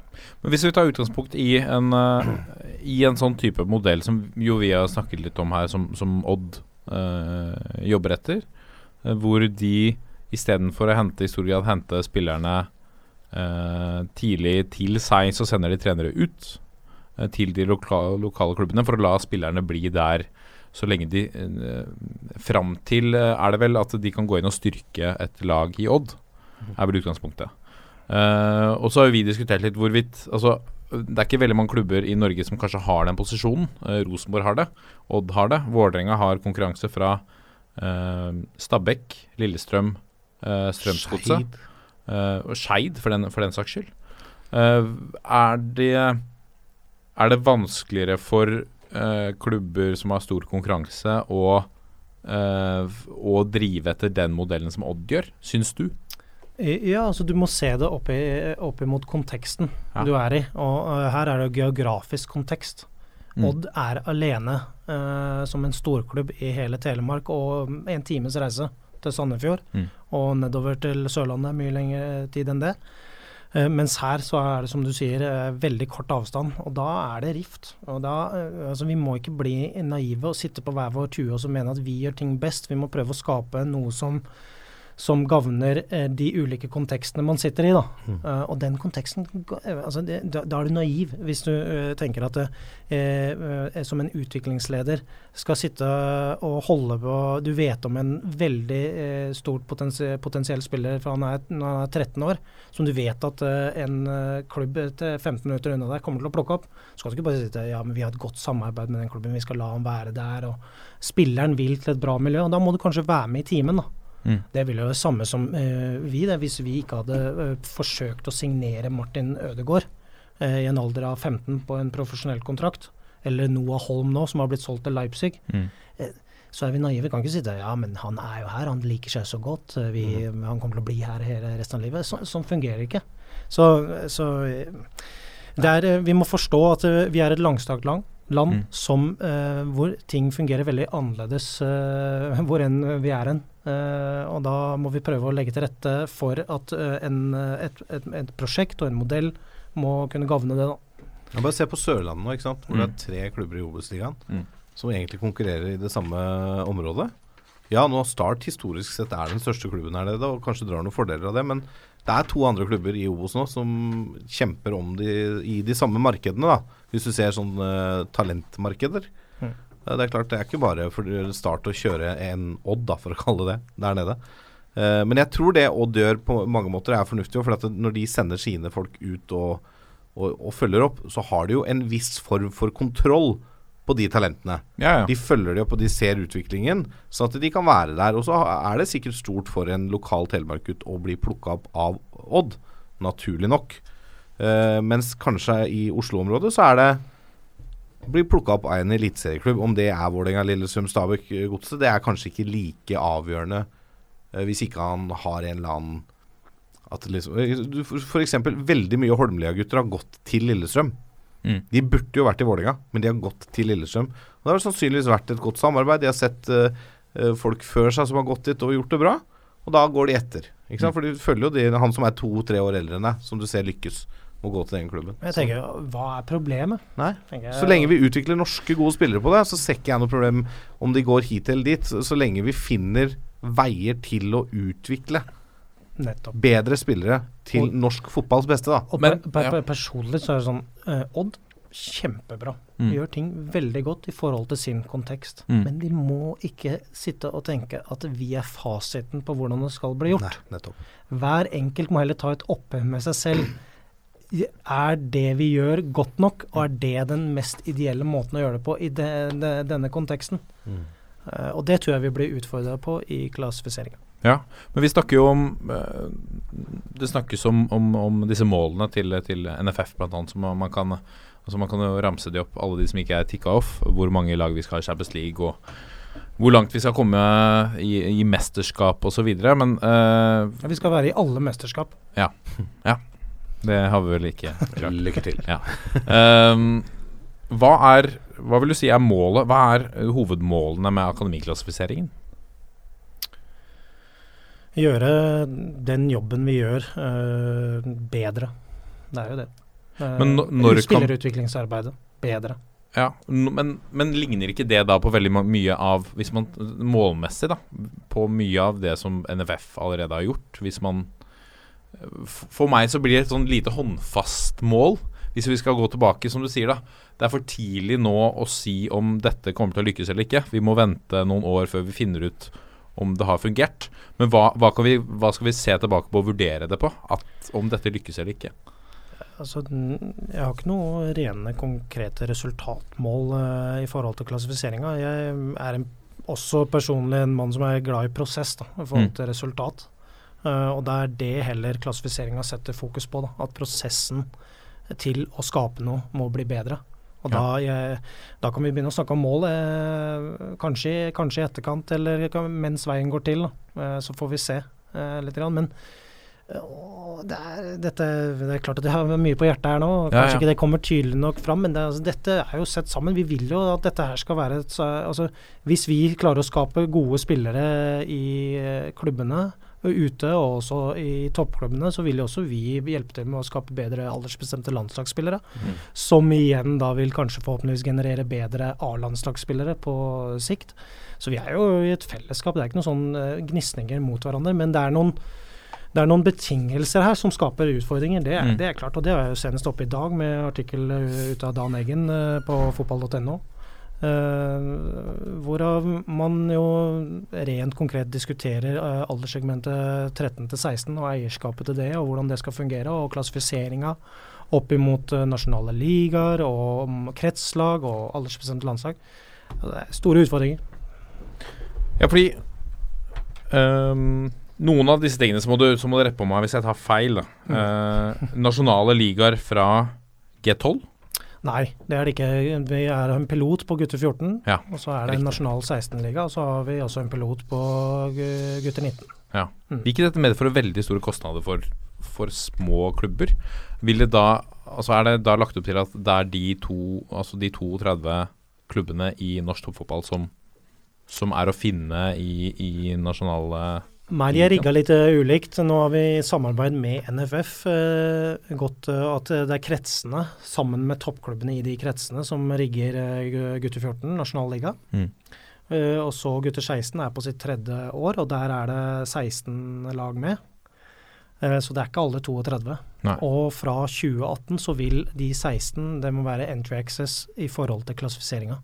Så de 16 fremste som er klassifisert, vil kvalifisere seg til nasjonale liga. Ja. Og så er vi en pilot med tolv lag på gutter 19. Uh, altså vi er, og det er det forumet i dag diskuterer, det nasjonale utviklingsforumet. Uh, både evaluerer uh, om hvordan dette fungerer, og kommer med innspill eh, til eh, forbedringer og går i, for å få bedre kvalitet da, på disse ligaene. For å tenke litt bredt, da. Mm. Eh, jeg tenker, hvis vi bare kaster noen tall opp i lufta Si at én klubb Mm. Da bruker jeg Vålerenga-eksempelet, da. Vålerenga bruker på de neste fem åra 10 millioner kroner på å utvikle nye spillere i, i, gjennom eh, klassifiseringa. Og får opp fra det, så får de tre spillere som er gode nok for A-laget til Vålerenga, og som på sikt løfter det laget. Mm. Istedenfor da at Vålerenga skal bruke 15 millioner på å kjøpe to spillere fra Jamaica eller, eh, eh, eller hvor det måtte være, eller Polen, som skal inn og forsterke laget i to år. Hva er best for norsk fotball i det lange løpet? Mm. Altså, Adegbenro, fantastisk spiller i Viking. eh, hadde vært mye kulere om det hadde vært en lokal gutt som hadde gått et løp lokalt i Rogaland. Ja, absolutt. Heller bruke penga på det, da. Og da, det vil også løfte norsk fotball på sikt, hvis vi får bedre norsk ja, Vi har, vi har jo gjort en analyse av vår egen klubb, og vi har jo hatt en veldig sterk spillerutviklingsprofil, og også solgt mange profiler, eh, har tjent eh, penger på det. og og da ser du jo, Det er jo en gjenganger, det er to, to um, scenarioer eh, av spillere vi selger. Enten veldig ung alder, altså Martin Ødegaard, Noah Holm. Uh, eller så er det jo i alderssegmentet 20 til 24. Mm. Og det er også spillere som er utvikla i Norge, av kanskje andre klubbmiljøer. Stefan Johansen kom fra Bodø-Glimt. Uh, Anders Konradsen, Bodø-Glimt. Uh, Gustav Walsvik fra Sogndal. Mm. Men det tar tid. Uh, men det er der det er, genererer økonomi. Og så vil jeg adde på en historie, og det her, det her blir ikke tenkt på. Vet du. Vi er ikke dyktige nok. Når jeg, jobba i Everton, eh, så hadde jeg en legende i spillerutvikling i England, Ray Hall, som sjef. Han var jo mange, mange, flere tiår akademisjef i Everton. Og han sa at eh, du må Da var jo Jack Rodwell han var jo den neste store da. Han var Ja. 16 år gammel, og man visste at man hadde mange millioner gående her, og en A-lagsspiller om et år. Mm. Og så spurte jeg hva er verdien på han, hva ansetter, anslår verdien? Ja, ca. 15 millioner eh, pund, 150 millioner kroner. Og så sa jeg det er jo bra fortjeneste for akademiet. Ja, så sa han du må ikke glemme, vet du, at eh, det er ikke 15 millioner pund én gang. Det er 15 millioner pund for hvert år han er i A-lagstallen og produserer for oss. Fordi at hvis vi må selge Jack Rodwell Mm. og erstatte en som er like god, så må vi jo bruke 15 millioner pund. Hvis du skal Mm. ta flatt, ikke sant. Ja, ja. Så da, hvis vi må gjøre det hvert år, og han ikke kommer fra akademiet, så må vi jo bruke 15 millioner pund hvert år. Mm. Så det, eh, og sånn eh, at klubbledere, styreleder, styre, klubber tenker sånn i Norge, det tror jeg ikke vi gjør. Og vi er nødt til å bli flinkere til å Tilbake til det som du sier, Lasse. Altså, øh, se eh, fortjenesten da, i å drive god spillerutvikling. Ikke bare for underholdningsverdien, lokal tilhørighet, norsk fotball, landslaget, men også for klubben, logoen, eh, peng- økonomi. Mm. Men eh, ja. Ja, fordi der er- var vi inne på litt i stad at, at norsk fotball er litt sultefora på profiler. Vi tar en benkespiller i Blackburn og gjør han til svaret på alle våre, alle våre spørsmål, i, i Martin Samuelsen. Eh, altså På samme måte som det virker på meg noen ganger som at ok, hvis Vålerenga sliter, så, så henter de Bengt Seternes, Rune Lange, Tor André Flo. Altså man, man henter inn en eller annen redningsmann, et stort navn som skal forbedre entusiasme, som skal eh, bringe sponsorer på banen, og så ser man bort fra litt det langsiktige. Ja, men, ja, men, men jeg mener at i det store bildet så er det de fleste norske toppklubber bør nesten ha et spillerutviklingsperspektiv. Fordi at det, hvis du mener at en Iver Fossum og en Gustav Vikheim, og jeg beklager til Strømsgodset-fans nå, som liksom sier at eh, ja, Jostein Flo og Strømsgodset skulle holdt disse spillerne, de hadde ikke signert en ny kontrakt og gått bossmann, tatt pengene i egen lomme. De mm. har signert en kontrakt, hvis man snakker og så sier vi finn en god løsning for dette her. Og, og de fleste klubber er sånn. Det er kanskje bare Rosenborg som kan holde en stor profil i et år, to, tre, og kanskje være med på en, en reise inn i Europa. Da. Og, og se på uh, Sarpsborg nå. De gjør en god jobb. og de skaper egne profiler. I pro, uh, profiler i dag, altså ikke profiler i et internasjonalt nivå. De har lang, lang, lang vei å gå der. Men Rostedt, uh, Tronsen nå. Kule spillere. Mm. Spennende spillere. Om et år, to, tre kan ja, Tronsen kan være den neste Stefan Johansen. Mm. Han kan, kan jo det. Han kan ta det nivået og ta et nytt steg, og så tror du han blir i Sarpsborg da? Hvis uh, Tronsen blir årets spiller eh, to år på rad. Så tenker jeg ja, nei, nå skal jeg være her i, i ti år til. Han er sulten, han vil ut. Mm. Ikke sant? Og det, Og den sulten må de spillerne ha hvis de skal bli bedre òg. Ja. Og så Du har jo eksempelet på en som, som forhåpentligvis starter på norske midtbanen på, på lørdag. Sander Berge. Mm. Han var halvannet år i Vålerenga, men han ble henta fra Asker, Mm. hvor han har gjort det bra. Og det er jo Asker som har utvikla han i stor grad, Mm. men han ble, han ble seniorspiller. Han ble proff i Vålerenga. for å si det på den måten.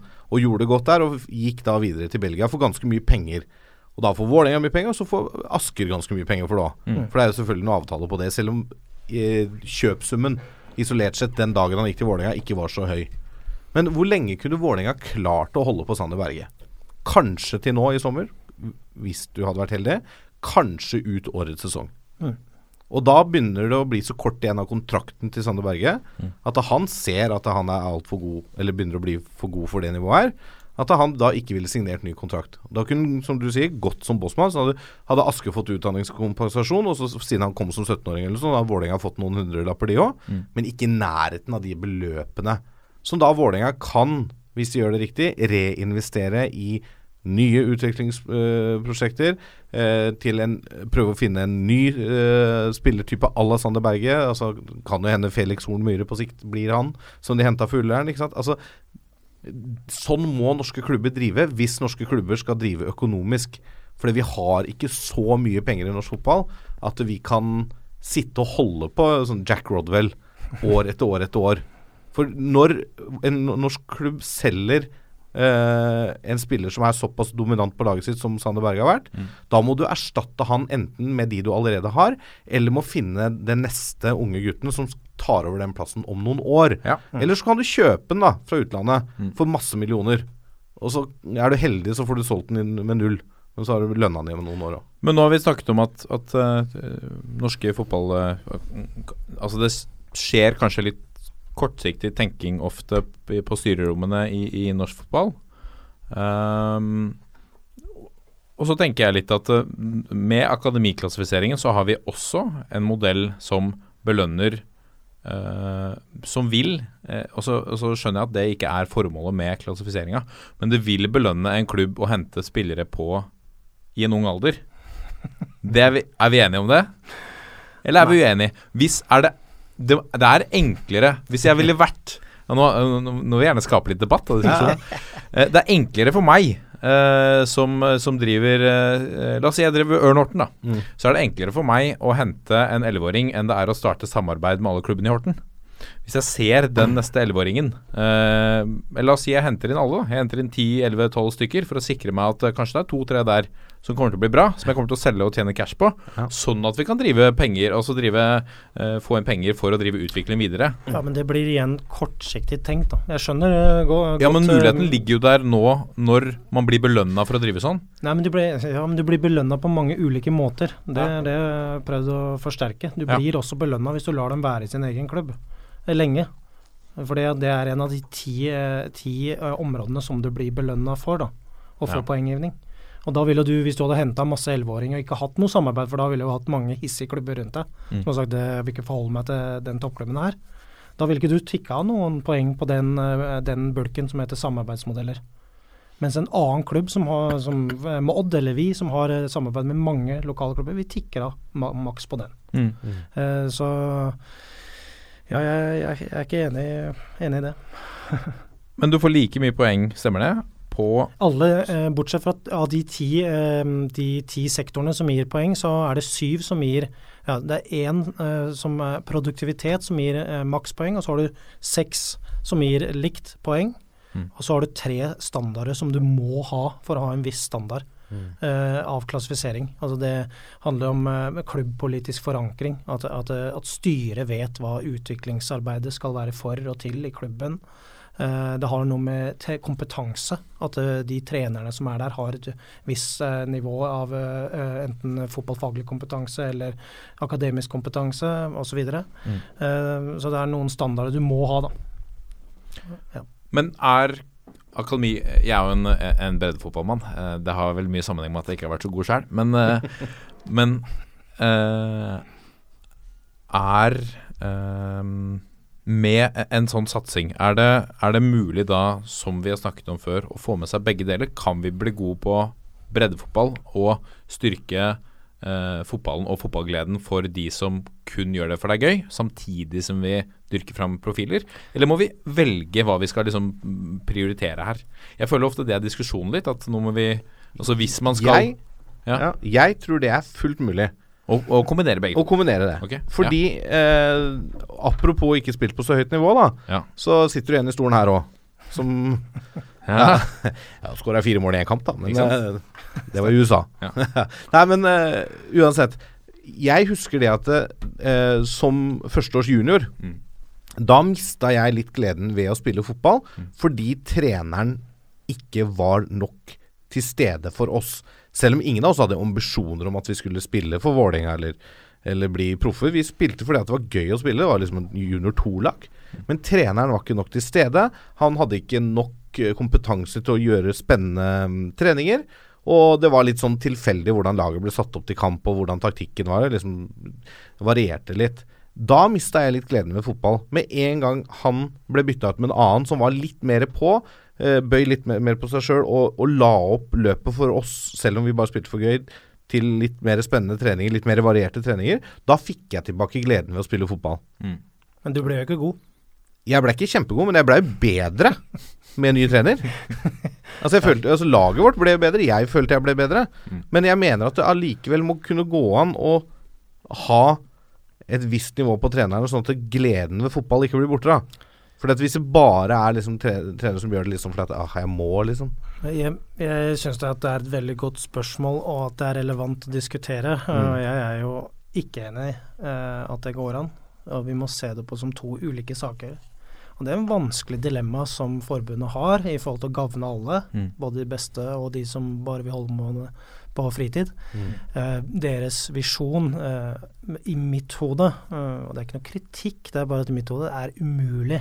Lengst mulig, flest mulig, best mulig. Det i mitt hode sier seg sjøl, da blir vi midt på treet.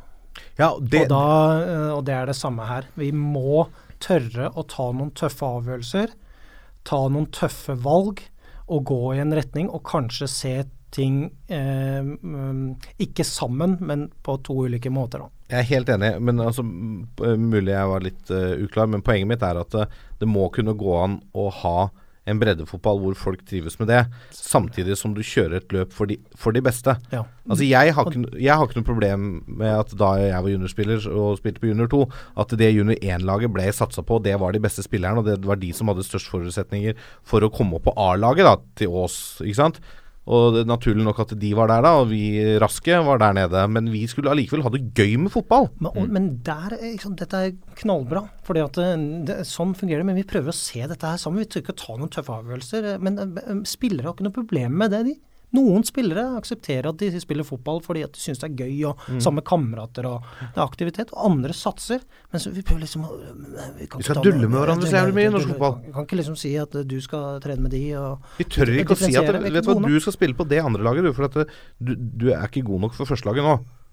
Ikke sant? Vi tør ikke å si det. Nei. Og det er den norske samfunnskonteksten. Uh, at vi, det, det, det er demokrati, det er flott, det er, det er likebehandling. eh, Alle skal få lik, alle- lik sjanse. Så vi ender midt på treet, eller vi er ikke, vi er ikke midt på treet engang. Men, Men er det ikke det, det som bak er litt Færøyene. Det er det som er det, ikke, er det ikke det som er litt av det vakre med, med norsk fotball, da? jo, og det eh, jeg, jeg har sagt det tidligere, for jeg syns at dette er artig å diskutere. At det, Mm. Kanskje, kanskje vi skal akseptere at vi har forutsetninger for å være gode på kvinnefotball i verdenstoppen. Mm. Men nå er vi på vei nedover der òg. Men det har vi muligheter hvis vi holder ved like nå. Og så kunne vi altså Jeg vil tippe at i breddefotball der tror jeg Norge kommer langt opp. Altså. Og det kan godt Vi er vel et av de landene i verden med høyest eh, altså deltakelse i, i, eh, Men- av fotballspillere. Altså, men jeg skal få sagt det, fordi eh, Toppfotballsenteret har jo samla inn masse informasjon og gjort det veldig og De kan kanskje bli tatt for at de ikke har delt informasjonen godt nok, men de vet veldig mye. og i forhold til eh, rammebetingelser og kontekst, ja, da har de tatt ekstremt mange variabler. BNP, folketall, altså alt mulig. Til og med værforhold uh, har de sant, tatt inn i en kalkyle her. og Vært oppe på Blindern og snakka med meteorologer. ikke sant? Fått et eh, 50 år tilbake vær for å forske hvordan dette påvirker fotballutvikling. Da. Og da, med de store rammene, så ligger, har Norge potensial til å være eh, blant de fire beste nasjonene. Altså, I, kanskje- I verden. Eh, Nei, i Europa. Ja. Og da um, Ja, det er greit nok for meg. og, og, og da kanskje lyttere tenker at jeg er syk i hodet. Ja. Men da er det hvis vi maksimerer da, Mm. en del ting, eh, eh, rammebetingelser. Det, tenkte, tenkte um, BNP, eh, økonomi, I Norge. Ja, ja, det er helt- som ligger til rette. Men det er altså, altså hvis vi eh, skal uh, si det sånn at eh, Nei, vet du hva, vi skal ha det flatt. Alle skal få lik sjanse, og vi skal ikke stille noen krav til spillere selv om de er 14 år eller 17. 17. Det, det Nei, er nei, jo å sette det helt ja, på spissen. Ja, selvfølgelig. Nå setter vi det på spissen. Men det er inne på det Håkon sier, da. At vi, da må vi akseptere det òg. Også på A-lagsnivå, på klubbnivå. Ok, da får vi ikke så mye lag i Champions League og Europa League. Vi må akseptere at landslaget vårt er eh, rangert på femte-sjetteplass i gruppetrekning og aldri går til. Vi, da må vi bare akseptere det. Det er sånn det er. Men hvis vi har noe mål da om at A-landslaget skal til alle mesterskap, at uh, U21-landslaget skal til alle mesterskap, at vi skal ha ett lag i Champions League og to i Europa League hvert eneste jævla år. Da må vi tørre å stille krav. Vi må tørre å være tøffe. Vi må tørre å si 'sånn er det', og de beste skal satses på. Men, For da må vi finne enerne. Er Helt enig. Dette er spennende. Det er helt sinnssykt. Du skulle tenkt at du skulle bli best på breddefotball. Altså, alt bare Og så blitt tror vi dødt av topp, så Da er alle vinnerne borte, da. Men eh, da hvis vi sier at vi skal til mesterskap, vi skal uh, være med i den uh, morsomme lekegrena, Mm. Eh, og så er de beste nasjonene tør å selektere en tolvåring og la han trene med andre gode tolvåringer. Skal vi liksom ikke få lov til det? Liksom fordi, at det, det, fordi at det også historien viser seg at det, er noen av de selekterte som ikke når det. Ja, Men det er mange av våre spillere også som vi selekterer når de er 16-17 år, som også ikke blir spillere. Så det, Ja, men hvis vi snakker om da at, at, uh, at ta en klubb som også tilbake da til, til øh, Frode Elias eksempel med, med Holmlia, da. Eh, hvor, de, hvor de Eller Gryner, da, som jeg kjenner litt til. Uh, hvor de slet lenge. Så har jeg hørt at, at Skeid har roet seg litt. Jeg snakket med, med sjefen i Gryner faktisk i går. Uh, og han sa at det har skjedd et eller annet med, med, med Skeid, annet. Eh, og, og den Kanskje det er at våre spillere har blitt dårligere, sier han. Eller at de har valgt å gjøre ting på en litt annen måte. Um, men den Altså, med en gang du markerte deg litt for Gryner, uh, så var Skeid på ballen med en gang. Uh, og inviterte deg på trening og, og sa at her kan du få spille for juniorlaget, du kan spille for guttelaget. du kan eh, Og så var det veldig mye, opplevde jeg, av de spillerne som kom tilbake til Gryner. Veldig mye tomme løfter, og veldig mye sånn Motivasjonen knakk litt, da, for du måtte tilbake til eh, Tilbake til Gryner, da. Eh, men dersom Skeid alltid henter disse gutta De henter alltid disse gutta fra, fra Grüner når de er 11, eller når de er 12, for den saks skyld. Så vil jo en klubb som Grüner alltid forbli en Altså, de sitter jo ikke igjen med noe Uh, noe midler her til å drive den utviklinga videre. Så det man gjør, er at man flytter midlene til toppklubbene. eh, og fortsetter å motivere slik at de kan hente fra de mindre klubbene. Og så sitter de småklubbene igjen med ingenting igjen av kaka. Sånn denne modellen er lagt opp. Eh, men, som du sier, du har en, det er mulighet for å score poeng her også med et godt samarbeid. Men det er også en del av denne modellen som belønner å hente spillerne tidlig. Uh, og da Det er der jeg mener at de virkelig store pengene, hvis du henter ti stykker og en av dem blir solgt for 20 millioner, så er det ganske mye mer penger enn en de 20 poengene er verdt kanskje for samarbeid. Du har et, et godt poeng. Eh, der er det altså noe penger fra akademiklassifiseringa vil ikke dryppe ned på de lokale klubbene, bortsett fra kompetanse. Eh, som Ja. klubbene, de eh, Toppklubbene kan få mer penger, som kanskje de ansetter mer folk og får mer kompetanse ut. Men så har det jo eh, Men det går ikke så langt ned. Det er jo ved signering av en proffkontrakt. Så hører det jo til eh, penger som drypper ned til moderklubbene. Mm. Men det går jo ikke lenger tilbake enn til eh, de er et, Jeg tror det er 12 eller 13, her må noen rette på meg. Så det, det er et godt poeng, det der. Det, ja. Ja, Ja, nei, det er jo en men det er- diskusjon man aldri Det er en spennende diskusjon som vi Ja. sannsynligvis aldri blir ferdig med. Ja. Men jeg tror vi også må i uh, spillerutviklingsøyemed tenke at eh, de som er best når det er 12 eller 16, som du sier, 18, det er ikke alle de som blir proffer. Det er ikke alle de som blir med A-lagsspillere. Men du må tørre å hente noen av de, og så må du også tørre å si være tydelig med en gang da, tidlig at eh, ok, vi henter deg for vi har trua på deg nå, men jobben må gjøres. Og du må fortsette å utvikle deg for at det skal bli noe. Og er du ikke god nok, sorry, da er du ikke god nok. Da må du finne på noe annet. Ikke sant? Altså, du må bare stille de klare krava med en gang, da. Bare være tydelig, være, altså være litt harde på det. Altså det, altså Men dette er jo ikke Idol, altså. Dette er jo, dette er jo fotball. Jeg mener at eh, må vi Altså, eh, ja, vi skal stille, eh, vi skal stille strenge krav til til uh, uh, til å komme på et A-lag eller komme på et U-lag. Det er ikke noe automatikk i at man skal komme på et første lag på et tidspunkt. Nei. Men, men jeg mener at hvis, hvis vi Alle skal ha et tilbud på et eller annet nivå. Ja, ja. Men er du ikke god nok på det nivået du akkurat nå er på, Ja. da må du innse og, og bare bli fortalt at vet du, her er ikke, Nå er ikke du god nok, så nå får ikke du spilletid. Vi anbefaler deg å gå til en annen klubb. Men, men det, det, det her gjør Norge kanskje som best i hele verden. Vi legger jo til rette for alle. Vi har ekstremt mange mennesker som spiller fotball i dette landet per innbygger. Så det, det, er ikke, det er ikke det det handler om. Men blir flinkere til å spisse de beste. Og tørre å spisse de, og tørre å satse på flere, og så finne den ene eneren. Ja, Altså, Ronaldo har jo ikke Altså, Tenk alle de som spilte sammen med Ronaldo da Ronaldo var 14 år. da Det var sikkert noen på det laget som var bedre enn 14 år gamle Ronaldo. Hvor spiller de i dag, da? Men, men eh, oppi dette her så vil jeg også bare De hadde sikkert jævla gøy med fotballen, Nettopp.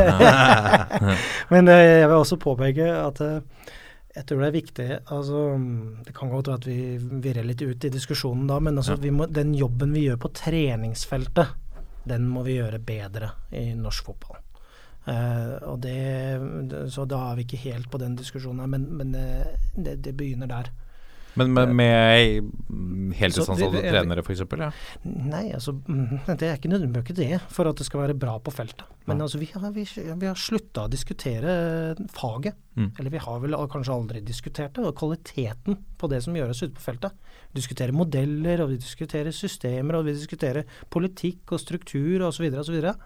Men det som gjøres ute på feltet, om det er godt nok, om det er krav nok, om det er referanser nok på hva som er skal oss, det, det må vi gjøre mye mer av. Og det i forhold til toppspillerutvikling. Da. Mm.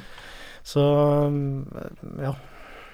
Hvordan er reaksjonen blant, blant uh, generelt på klassifiseringa og på, og på disse tingene som har blitt lansert nå fra norsk fotball?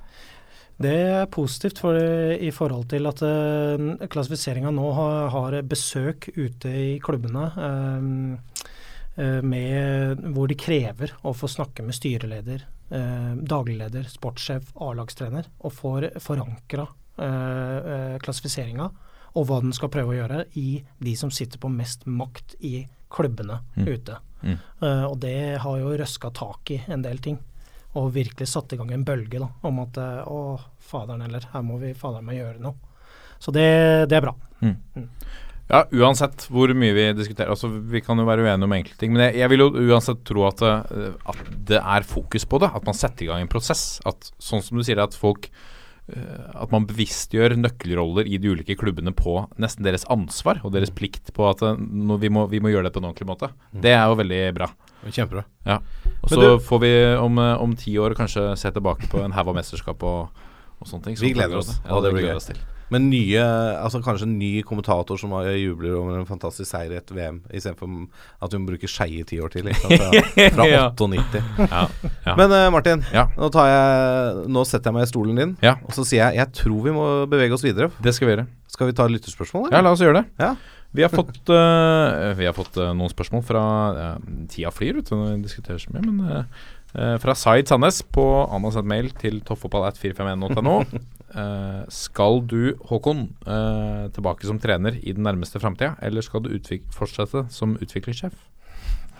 Ja, nå vet jeg i hvert fall at dere har en lytter i Danmark. Å ja. Ja. Eh, Kjenner du Zaid Sandnes? Ja da, jeg Ja. gjør det. Eh, så ja, det skal jeg. Når? Kort og greit. Om ikke så lenge. Ja. Og, er det noe konkret? Nei, det er det ikke. Men uh, jeg har eh, vært nå uh, fire år som utviklingssjef i Strømsgodset og lært mye i lederrollen. Ja. Jeg har vært med på mye suksess som trener, assistenttrener, analyseansvarlig i Odd og Stabæk og og eh, Strømsgodset. Og, og, Og Celtic. Ja, og Celtic. Eh, og føler meg nå klar uh, for å hoppe inn i det. Har litt lyst til det. Men jeg er også det, du, eh, I fotballen vet du aldri når sjansene kommer, så jeg er veldig glad i jobben min. Mm. Utviklingssjef og kan se for meg at det kan være i noen år til òg.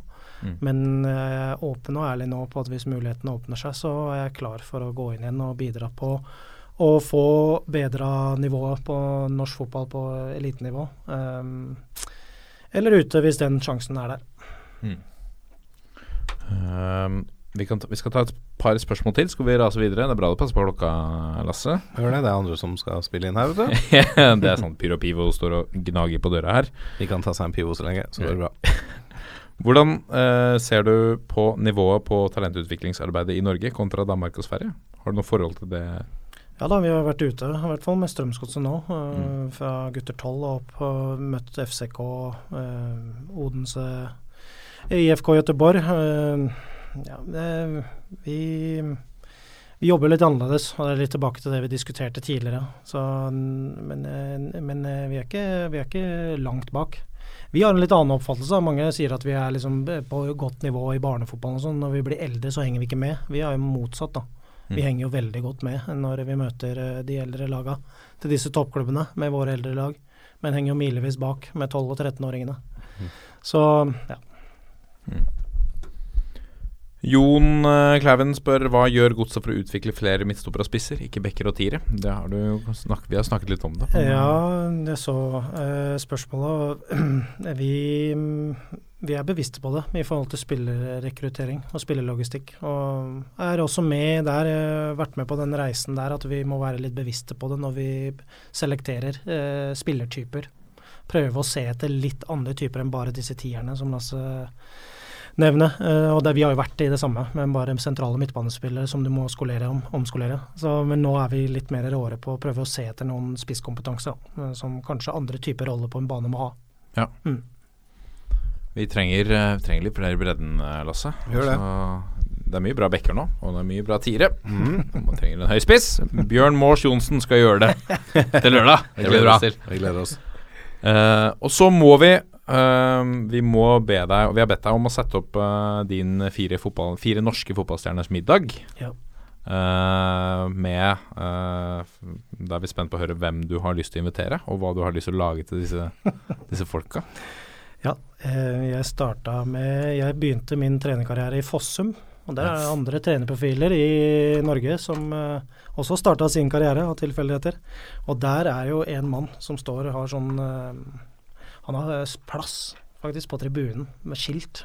Å ja? Ja, Fast? Ja, det er Per Ravn Omdal. Ja, ja, ja. Og han, ja, og han uh, mener jeg kanskje at eh, vi har mista litt kompetansen som han mest sannsynligvis satt på.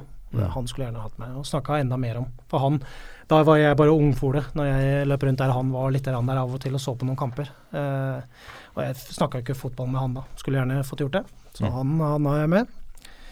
Så har jeg en trener som eh, vi, er, er ikke flinke nok vet du, i Norge til å ta vare på de som faktisk eh, har noen referanser og, og har kunnskap. Eh, så Trond Solli. Ja. Ja.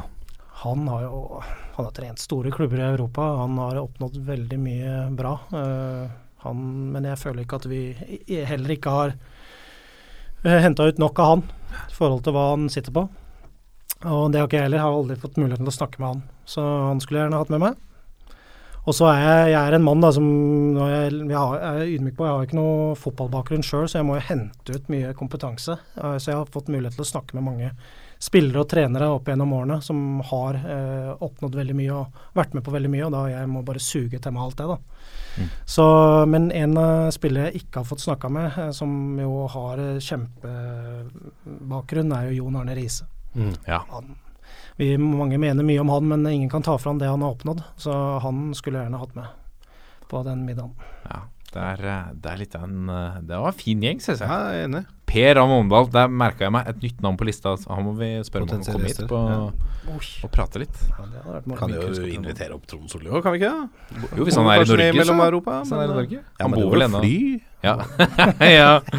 Han betaler sjøl, men uh, komme hit. Ja. Hva skal du servere til disse herrene, da? Du, at jeg, jeg har jo selvtillit. Eh, så, og jeg har vært med på mye bra, så jeg har jo selvtillit at liksom jeg kan eh, Jeg er ydmyk i forhold til at jeg vil lære mer og ta med mye, men jeg har vært med på hvis du ser bakgrunnen min, jeg tror ikke jeg har vært med på en nedtur, eller lengre nedtur. da. Jeg har vært med på noen nedtur og tape fotballkamper, Ja. men jeg har alltid klart å snu det noe positivt og vinne ting. Og vunnet mye på kort tid, og da jeg mener jeg at jeg har et tryllepulver, da. Så Ja. servere dem litt tryllepulver. Ok. Såpass? ok. Det er offensivt. Ja, hva Fordi- har du å drikke til det? Altså, ja. Nei, det er bare vann. Ja. Ja, ja for det ja, eh, ja, ok. Nei, jeg vet, jeg vet ikke om jeg har lyst til å gå inn på hva det tryllepulveret kan være. Men okay. jeg regner med at disse gutta også har litt. Altså, altså Vi må jo ha mer inn i den dosen av tryllepulveret. Så Mm. det er påfyll. da. Eh, Jeg mener servere og så få tilbake. Ja. Lage en eh, dose eh, ekstra bra tryllepulver. Fantastisk. Herlig. Det er et eh, program, nok, nok et program jeg ville sett på hvis Ja, jeg hadde gått på, på Jeg skjønner fortsatt ikke at uh, Jan Erik Holbæk har ringt oss. Discovery må våkne opp! Den, den pro programkonseptet her, den kjøper jeg dere. Ja, Han er direktør, han har ikke tid til å følge med på oss, hva vi driver med her. Nei, det er sant. Vi Her får du konsept på konsept på Vi får invitere ham som gjest igjen. Absolutt. Ja. Nå kommer pulsen. Kommet til eh, pulsen, og pulsen i dag eh, åpner med enda en uh, Strømsgods-helt som går til uh, Vålerenga. Eller, som jeg ville sagt, en Vålerenga-gutt som vender hjem. Ja det, er, ja, ja, det er riktig å få med. For han, han er jo eh, born and raised, holdt jeg på å si, nesten i, i Vålerenga. Ja, Trosterud-gutt som har spilt eh, ungdomsfotballen sin i Vålerenga. Absolutt. Eh, Håvard Lilleheie så det ikke på helt samme måte. Fikk, uh, vi fikk et par Vi snakker da selvfølgelig om Adam Larsen Karasei. Ja, det er riktig. det er riktig å det er viktig å få med. Keeperen der, altså. Keeperen der altså, som går fra Brøndby til uh, Vålerenga. Uh, Håvard var frisk i meldingene på, på Messenger. Han eh, sa de skal vel hente Martinsen og Floaren også nå, har jeg hørt. Eh, Martinsen er vel markedssjefen i, Ja. i Godset. Det er riktig. Eh, Vålerenga har henta både Ronny Deila og Erik Espeseth fra før. Um, han sier også Jeg har hørt at Valle er skrinlagt, de skal visst begynne å spille i Drammen. og at de skal bytte ut Vålerenga kjerke med Drammen krematorium. Ja, dette er jo Hva tenker du om kritikken, eh, Lasse? Jeg elsker bitterheten til Håvard Lilleheie. Ja. At han sutrer over at Vålerenga henter Adam Larsen Karasei to, tre, fire år etter han var ferdig i godset. Og når vi vet at Adam er Vålerenga-gutt Altså, Adam er til og med filmet i Eliteserien, eller Tippeligaen som det da heter, som godsekeeper, stående på Ullevål og venter på andre omgang starter. Dundrer en Vålerenga-sang over anlegget, og han står og synger med. Altså, Adam er Vålerenga-gutt og Vålerenga-supporter. Altså, selvfølgelig skulle han hjem til Vålerenga nå, med Ronny i førersetet også. Helt åpenbart. og Jeg elsker at uh, Håvard er bitter og sut- sutrete på det her. Det, det gjør bare overgangen enda, enda litt bedre. Hva sier dere i Drammen, eh, Håkon? Klarer ikke Vålerenga å finne gode folk sjøl? De må se til Drammen? Nei, jeg, jeg skjønner jo litt ja, øh, hva Ronny øh, ønsker. Fordi at du må bygge, ha noen folk rundt deg som du har tillit til og vet hva, hva består i. Da. Og Adam er jo en klassemann både på og utenfor banen. Så han vil jo være med å bygge opp, bygge opp en god kultur og en god standard, og er en vinner. Mm. Så jeg, jeg skjønner det. Men prøver han nå å gjenskape mye av den kulturen som, som var i godset da de eh, Altså, han gjorde de til en altså, Eller dere gjorde go- godset til en eh, toppklubb?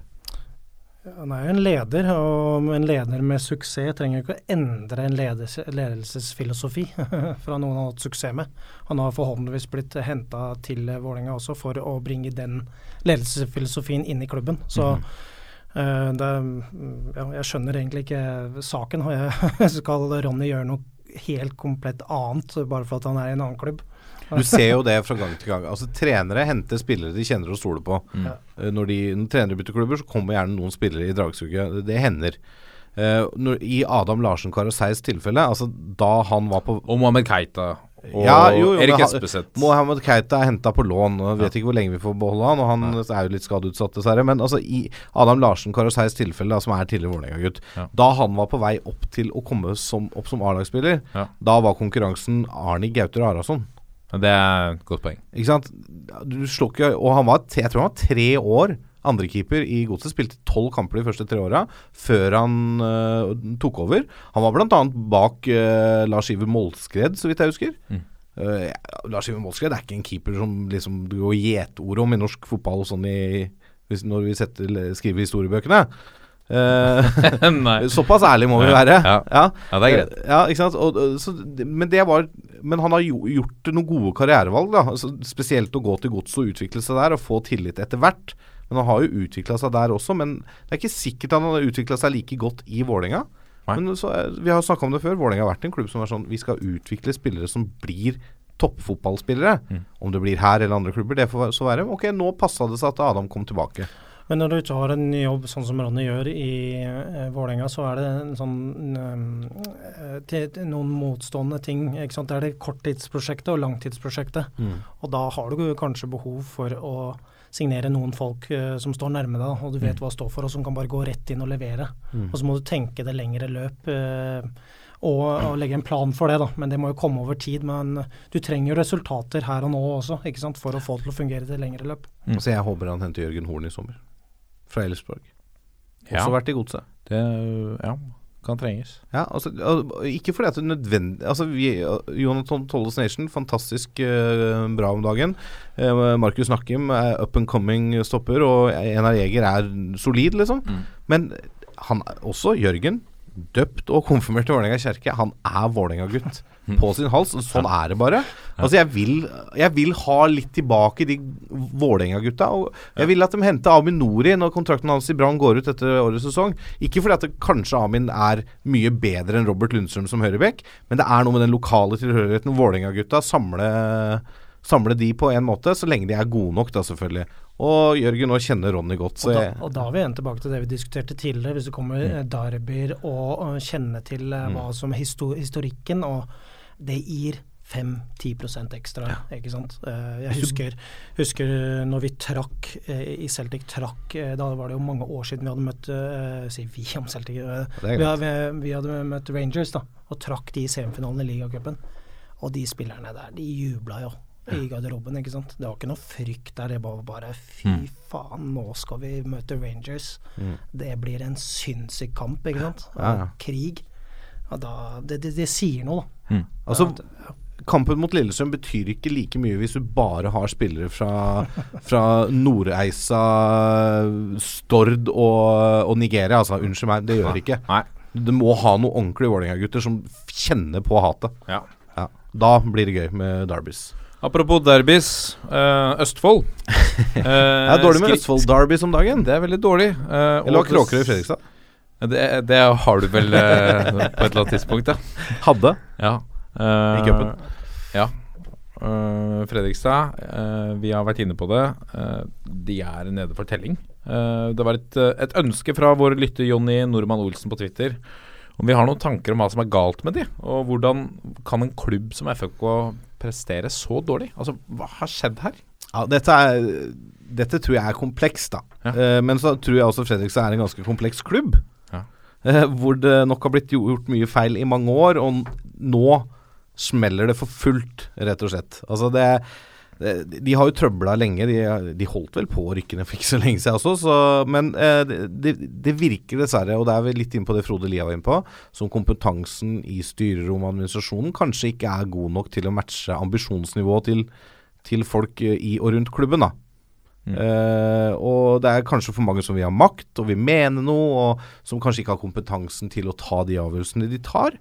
Uh, og det har blitt for mye bråk og uenighet som kanskje har hemma veksten til klubben. Så, men så hvis du ser sportslig på det i år, da. De sliter med å vinne fotballkamper. De har spilt elleve kamper, fem av de er uavgjort. De, og de har ikke vunnet ennå. Jeg tror det blir for enkelt å bare skylde på treneren, altså Andrea Loberto. For Andrea er en, en fotballfaglig sterk type Mm. som vet hva han vil som trener. Eh, men selvfølgelig kan godt hende han ikke er god nok til å få det beste ut av det materialet han har. Men jeg tror alt det andre bråket, rotet, økonomiske trøbbelet rundt Fredrikstad også hemmer spillerne på et eller annet nivå. Og så kommer du inn i den der dårlige tralten hvor du ikke klarer å vinne kamper. Det er vanskelig å komme ut av, som vi har snakka om litt før. Det er liksom, du må gjenskape gode opplevelser. De har ikke hatt så mange av de i år. Er vanskelig å gjenskape. Det var ikke, ikke i fjor heller. Så Nei, det ikke blir en stund siden. Så det er liksom Det begynner å bli en stund siden, og da, da trenger de Ja, jeg, jeg tror det er mer komplekst enn bare Andrea Loberto. Jeg tror klubben er kompleks, og jeg tror det er mye maktkamp og mye feilvalg over mange år som nå slår ut i full blomst, rett og slett. Kjenner du Fredrikstad godt, eh, Håkon? Ikke veldig godt, men jeg kjenner jo mennesker. Håkon Wibelund, som er assistenttrener hos oss i Strømsgodset, har jo vært hovedtrener her for ikke så lenge siden. Og er jo en av de som har føyd seg i rekken som ikke har levd lenge. Uh, dessverre. Og jeg kjenner de som sitter i Nasjonalt utviklingsforum. Uh, så ja, ja, jeg kjenner jo. Men jeg, jeg lener meg litt på, på Lasse. Men jeg har ikke nok innsikt. Men eh, hva er problemet? Problemet er de vinner ikke fotballkamper. det, Ja, sånn akkurat nå så er det problemet. Eh, og, og så tror jeg også at det er i det lengre løp. uh, der. Det er ikke noe stabilitet, det er ikke noe kontinuitet. Det er, det er også sånn sånne mm, quick fix. Nå så jeg senest i dag i nyhetene at de, Norges fremste idrettspsykolog skal inn. Og da Ja, er vi i gang, ja, da, vet du. ja. Så, eh, så, Sa jeg nei. eh, Han er vel død, da, men så nei, men jeg, jeg kan ikke kommentere noe mer på det. Nei. Men, jeg, men jeg, jeg, det er som vi er inne på, det er, dette har pågått i mange år. Altså. Ja. Det er ikke noe nytt at Fredrikstad sliter. Det er ikke sånn at de rykka ned fra Eliteserien i fjor, og så bang, så ligger de i bånn av Obos. Men jeg skal ut og jeg skal våge meg til å komme med en kommentar, for jeg har vært mye rundt og sett. Og øh, Fredrikstad som alt annet kan være at mange ting ikke blir gjort godt nok. Mm. Mm. Det, I hvert fall med mine øyne, det er ikke bra arbeid som blir gjort. Helt fra toppklubber til langt ned. Så. Ja. Og Det kan være et problem også i Fredrikstad, at ting som blir gjort, ikke blir gjort godt nok. Og det er jo ikke lenger, nå som vi har fått en mye sterkere annendivisjon, så er det ikke lenger nå at det er så enkelt å, å rykke ned og bygge opp laget og rykke opp igjen. Det, Nei, nei. Altså ligger du med Hva har de nå? Fem poeng etter eh, Elleve kamper. etter elleve kamper i, eh, i eh, Obos. Det lukter ikke stor suksess i neste års PostNord. Uh, uh, lukter ikke direkte opprykk, nei. Uff a meg. Ja, vi må følge Fredrikstad mer uh, utover sesongen og Mm. se Vi får håpe at de, de får det til å funke. Ja, det er jo en gøy klubb. Uh, det er jo er liksom en og, og når det går bra, så er det Altså, det, det er er engasjement i byen. 6000-7000 på Ja, tribunen. Ja, det er det. det, er det. Så, ja. For pokker! For pokker. Skjerp dere, Fredrikstad! Nei. Det er det. Det men det er det. Ja. Skjerp dere. Jobb godt nok. Jeg- Gjør det godt da, nok. Da, det blir Men de ville gjort det hvis de visste hvordan. Må ikke, begynne, må jo- må ikke begynne med noen unnskyldninger. Nei. Det er ingen unnskyldninger godt nok. Det er bare ikke godt nok. Jobb bedre. Ja. Snu alle steiner. ja. Ja, Ja. nettopp. Snu alle steiner. Dette er toppfotball. Og Lasse, du har rota litt rundt eh, i ryktespalten. Ja, for nå er det jo sommer, Ja. uh, sier de. Agurktid. Da blir det lett agurktid. Det Ja. nærmer seg et overgangsvindu. Vi hadde jo Adam Larsen Karasei. Uh, så det kommer litt rykter og overganger nå. Gi oss det saftigste du har. Saftigste Jon Nymo Matland, noen som husker han? Ja. Ja. Tromsø.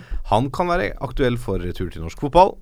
30-åringen som har eh, en kontrakt med Antwerpen, som har gått ut. Trener nå med Tromsø, Mm. som han spilte i som ung, ung, ung, ung, ung fole. Han var jo utleid til KSC Hasselt på nivå 3 i Belgia i vår, så um, han ønsker vel å spille på litt høyere nivå da enn det. Eh, han skal også trene litt med gamleklubben Ålesund. Eh, dette er jo ikke prøvespill, da, ifølge han selv til Aftenposten, men eh, han holder seg litt i form og utelukker ikke en retur til norsk fotball. Så det er fin venstrefot. Vi har noe saftigere. Ja, Pjotr Lesijevskij Ja. kan være tapt for Brann. Oi. Ifølge polsk media så er Brann i forhandlinger med Zaglebie Lubin om en overgang. Dette er da laget som endte på niendeplass i polsk liga i fjor. Ja, men øh, det er øh, altså De er i forhandlinger da om en overgang der. Eh, og Fotballkanalen, som vi har snakket om før, de har kilder på at Ørjan Nyland er høyaktuell som en eventuell erstatter. Oi. Det er ganske saftig. Ja, det er ganske saftig. Hvis Ørjan Nyland da velger å dra hjem for å få restarta karrieren sin. Gjenforening med Lars Arne Nilsen. Nettopp. Yes. Helt riktig. Eh, Fredrik Gulbrandsens eventyr i New York Red Bulls er over etter tre måneder. Elleve kamper, fire fra start, null skåringer for Hurtigtoget, som da går tilbake til Red Bull Salzburg. Altså samme klubb, annen by. Ja. Til slutt ja. så skal vi ja. til uh, vår venn Lunovs klubb, ja, som flommer over av spisser. Ja. De har jo masse eh, toppspisser, og nå har de jo lagt om også til en Er det en tre, nei 4-2-3-1-variant dere spiller nå? Spiller med en tier nå, jo. Ja, Mere. ja. Hadde jo to spisser i starten av sesongen. Da var det jo greit å ha fire. Nå er det bare plass til én, og det er Markus Pedersen. Tommy Høiland ryktes tilbake til gamleklubben Viking. Godset skal være Eller var faktisk villig til å slippe han gratis i vinter, men da kunne ikke Viking betale lønna. Eh, fotballkanalen igjen melder nå at aksjonærer trår til, og at Ian Birchnell får hente fire nye spillere i sommer for å redde plassen. Høyland er høyaktuell etter lite spilletid i Godset i konkurranse med nevnte Pedersen, Tagbayumi og Pontus Engblom. Og som nevnt, litt trangere der på spissplass nå, med bare én spiss istedenfor to, så det er vel ikke helt uaktuelt at Høyland finner seg en ny arbeidsgiver i sommer. Hva sier du om det, Lunov? Da sier jeg det klassiske Ingen kommentar. Ingen kommentar. Herlig. Ja, det var Det tok seg opp, Lasse. Det tok seg opp. Det, Det er viktig å det begynte med en 32-åring som vurderte å komme tilbake til norsk fotball. Ja, 30-åring. Ja. Ja, men det er viktig å begynne litt. Uten forkleinelse for Jon Nymo og Matland. Velkommen tilbake, Jon. Ja, velkommen tilbake. Dette er toppfotball. Helt til slutt i uh, dagens sending. Vi uh, står foran to uh, landskamper. Først eh, en eh, tellende eh, og en viktig, eh, men eh, betydningsløs likevel, mot Tsjekkia. Den er vel ikke betydningsløs resultat... Altså, vi, kan jo fortsatt klare det. Kan vi ikke det, Lasse? Nei, vi kan ikke klare det. La oss Si, si at vi kan det. Nei, la oss stikke, stikke fingeren i jorda. Vi skal snakke opp norsk fotball og alt det der, men la oss bare stikke fingeren i jorda. hater den Vi fingeren. går ikke til VM i Russland. Dette er, må være å anse som en treningskamp, men dette gir Lars Lagerbäck eh, sjansen til å sette sammen laget og stammen han skal bygge framover Mm. for å komme til neste mesterskap.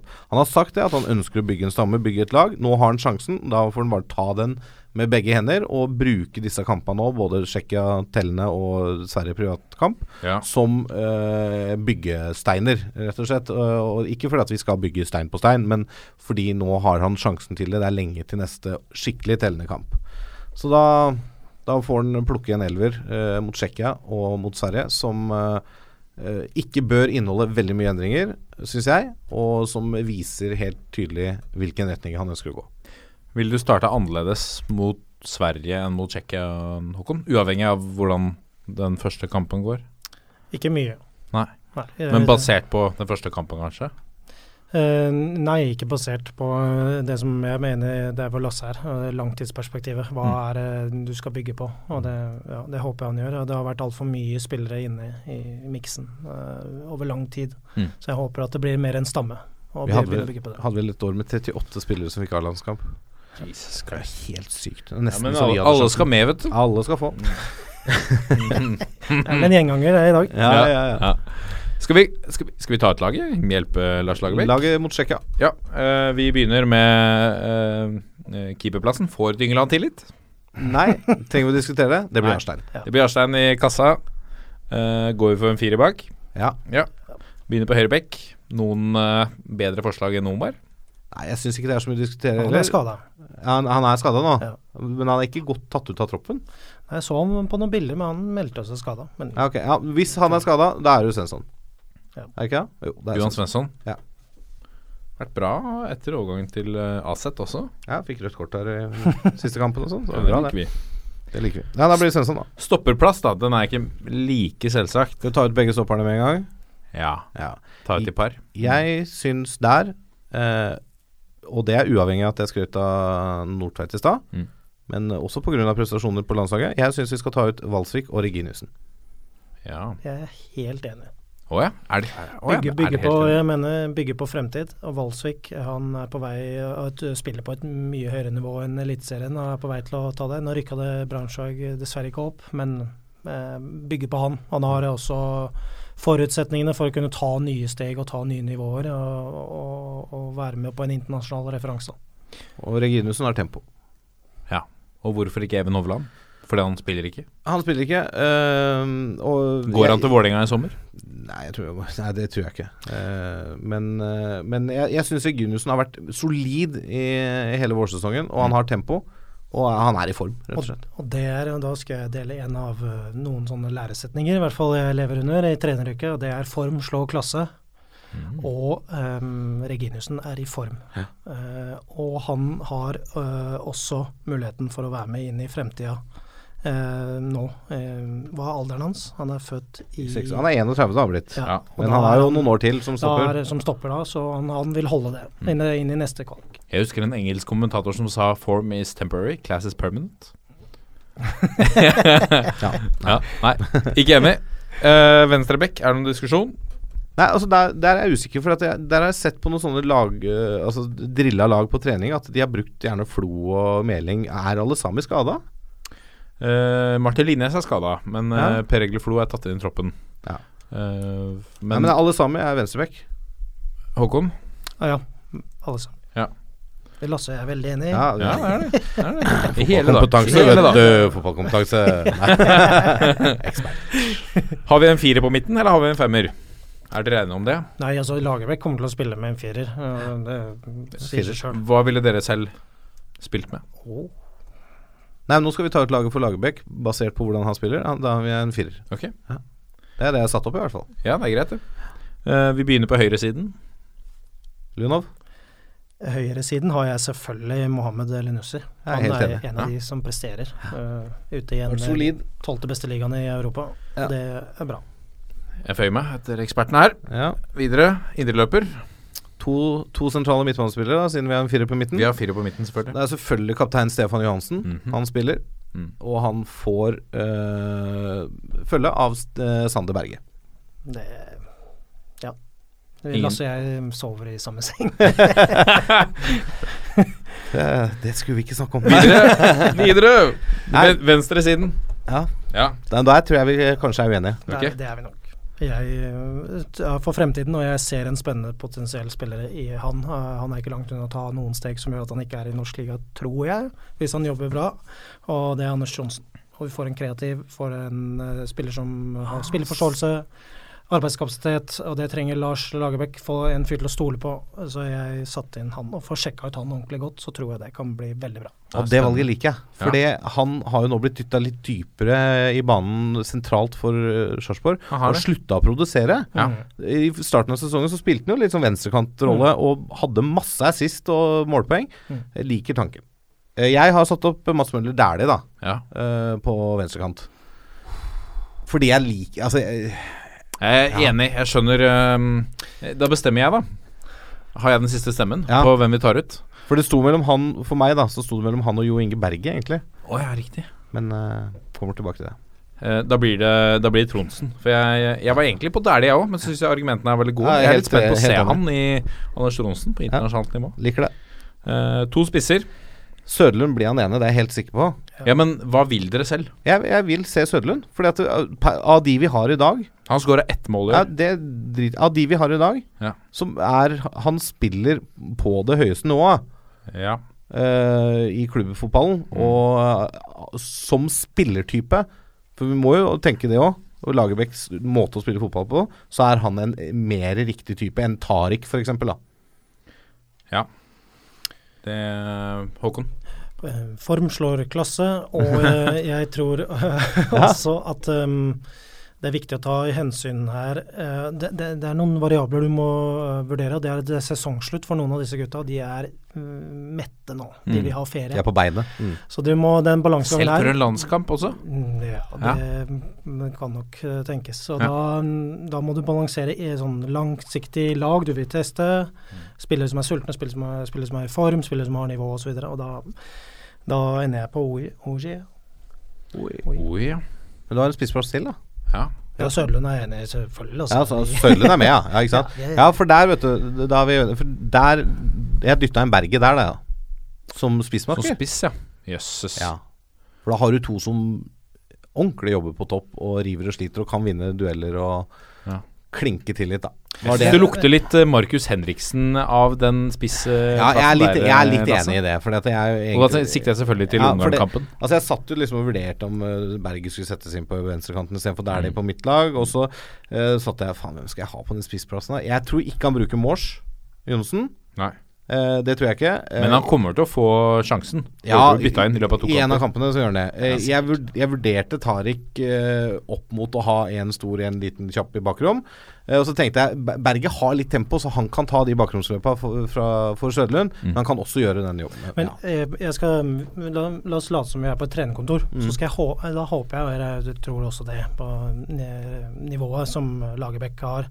Så diskuterer man eh, La oss si da, Lasse og jeg, da. Så har vi ramma klar, så har vi noen enkeltspillere. Og da tror jeg ikke det kommer på sånn jeg liker han og liker han. Det er litt ulike typer. Og da begynner du å diskutere opp mot kampstrategi og hva slags type du trenger til å fylle den strategien. Motstanderen, hvordan speiles det opp, da. Altså, la oss si da at eh, Mats Møller Dæhlie og vi identifiserer på på venstrekant og identifiserer en svak høyrebekk hos Tsjekkia. Så kan vi, ok, her trenger vi en som kan dra en mann, en som kan skape noe ubalanse på den måten. Mens hvis det er ok, de er harde i ramma osv., ok, vi trenger en arbeider, vi trenger en sliter. også, ikke sant? Så det er de type diskusjonene jeg håper å regne med eksisterer da, i forhold til et laguttak.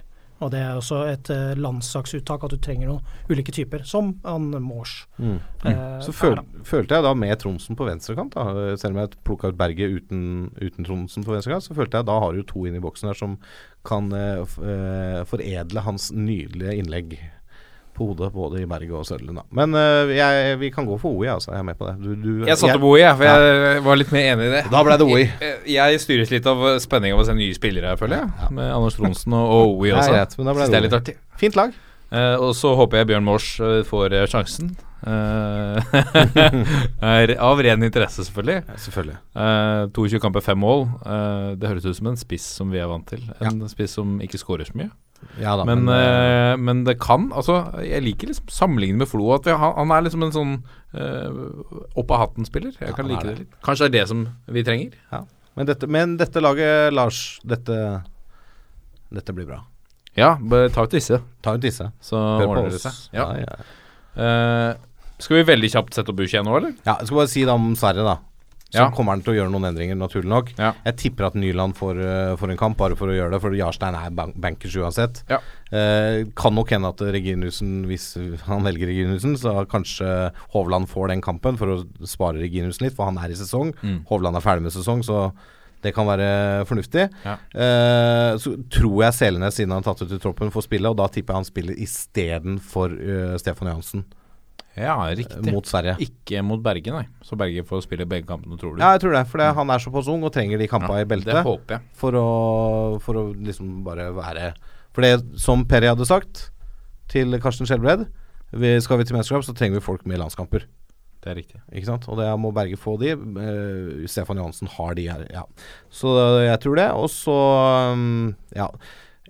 Da hadde jeg jo satt opp Berge da på venstrekant istedenfor Dæhlie, da. Men uh, da kanskje Tronsen skal få en kamp til. For, rett og slett for å sette den inn i den rollen. Ja. Og så uh, hadde jeg satt opp OI da på topp eh, med Mors som innbytter. Og Søderlund en kamp til, rett og slett. Også bare fordi han har ikke spilt veldig mye i år, Søderlund. Og han trenger å komme inn i den uh, ramma nå som Joshua King er skada, i hvert fall. Hmm. Jeg tror ikke det blir mye endringer mot Sverige. Nei. Eh, U21 Mm. Uh, skal begynne bakerst. Veldig raskt. Uh, Får lov å bare si en kjapp ting der. Ja, Jeg så over stallen. Ja. Det er egentlig ganske mye offensive spillere, så jeg, veldig. jeg sleit med å sette sammen et forsvar, jeg. Spill tre bak, da, hvis du vil. Nei, jeg skal fire bak. Men, Så jeg tror noen som normalt i klubblag spiller midtbane, må ned i forsvarsleddet. Ok. Jeg er jo ikke helt enig i at det må gjøres, for jeg liker at folk spiller i de rollene de er vant til å spille i på klubblaget. Ja. Uh, sier litt imot meg selv der med Berget som spiss, men ja. Det var det i hvert fall. Vi begynner på keeperplass. Det er vel bare én. Det er Er ja. Uh, Håkon? Ja. Uh, Beck-rekka. Skal vi ta den uh, Skal vi ta den hele rekka, veldig kjapt? Hvem, uh, hvem har dere? ja. Kristoffer Ayer på stopper, i hvert fall. Ayer og Fredrik Pallesen Knutsen er jeg som stopper. ja. Ja. Ja, Ulrik, Ulrik Yttergård Jensen. Han har jeg satt på Ja. venstreback, jeg. Ja, kan han spille? Ja, det kan han vel. Ja, han har spilt, ja. Ja. Ja, enten han som stopper eller i midtbaneleddet. ja, ikke sant. Jeg ser det. Her, vet du, kommer det. Da blir det hvem Ja, du har Ulrik Yttergård Jensen der. Da kjører vi Palsen Knutsen, da. Siden jeg har vært med deg. bra. Eh, høyrebekken uh, Jeg ser egentlig bare en rein høyrebekk i troppen, ja. Det er Erlend Dahl Reitan. Ja, jeg sliter med mm, forsvarsspillerne. Ja. Hanke selvfølgelig fra Stabæk. Er jo, uh, Hanke Andreas Olsen, jeg Hanke har Olsen. Hanke Olsen på høyrebekk. eh, Ja, han altså- spiller stopper i Stabæk, da. Ja. eh, Men uh, jeg gjør noe Ja. Mm. Nei, jeg syns den forsvarsrekka der er vanskelig. Ja. Vi kjører Reitan på høyre, eller Hanke? Hanke. Hanke. Mm. Andreas Hanke Olsen. Venstre. Ja, der hadde jeg Ulrik Yttergård, da. Ulrik. Siden vi satt Fredrik Pallesen inn nå, så må Ja, det Det er Det eneste vi har igjen. Beklager, Håkon. Sånn er det. Midtbanen. Birk, altså En ting som mange ikke er klar over. Birk Risa spiller stopper i Tyskland. Ja, gjør det, ja. Han gjør det, ja. Han er omskolert. ja Og det vil han nesten ikke snakke om sjøl heller, for han vil spille spiss. ja han har tatt ut som spiss han på får U21. veldig gode tilbakemeldinger som stopper i Ja, Tyskland. riktig. Ja, det er morsomt. Ja, gøy. Ja, ja.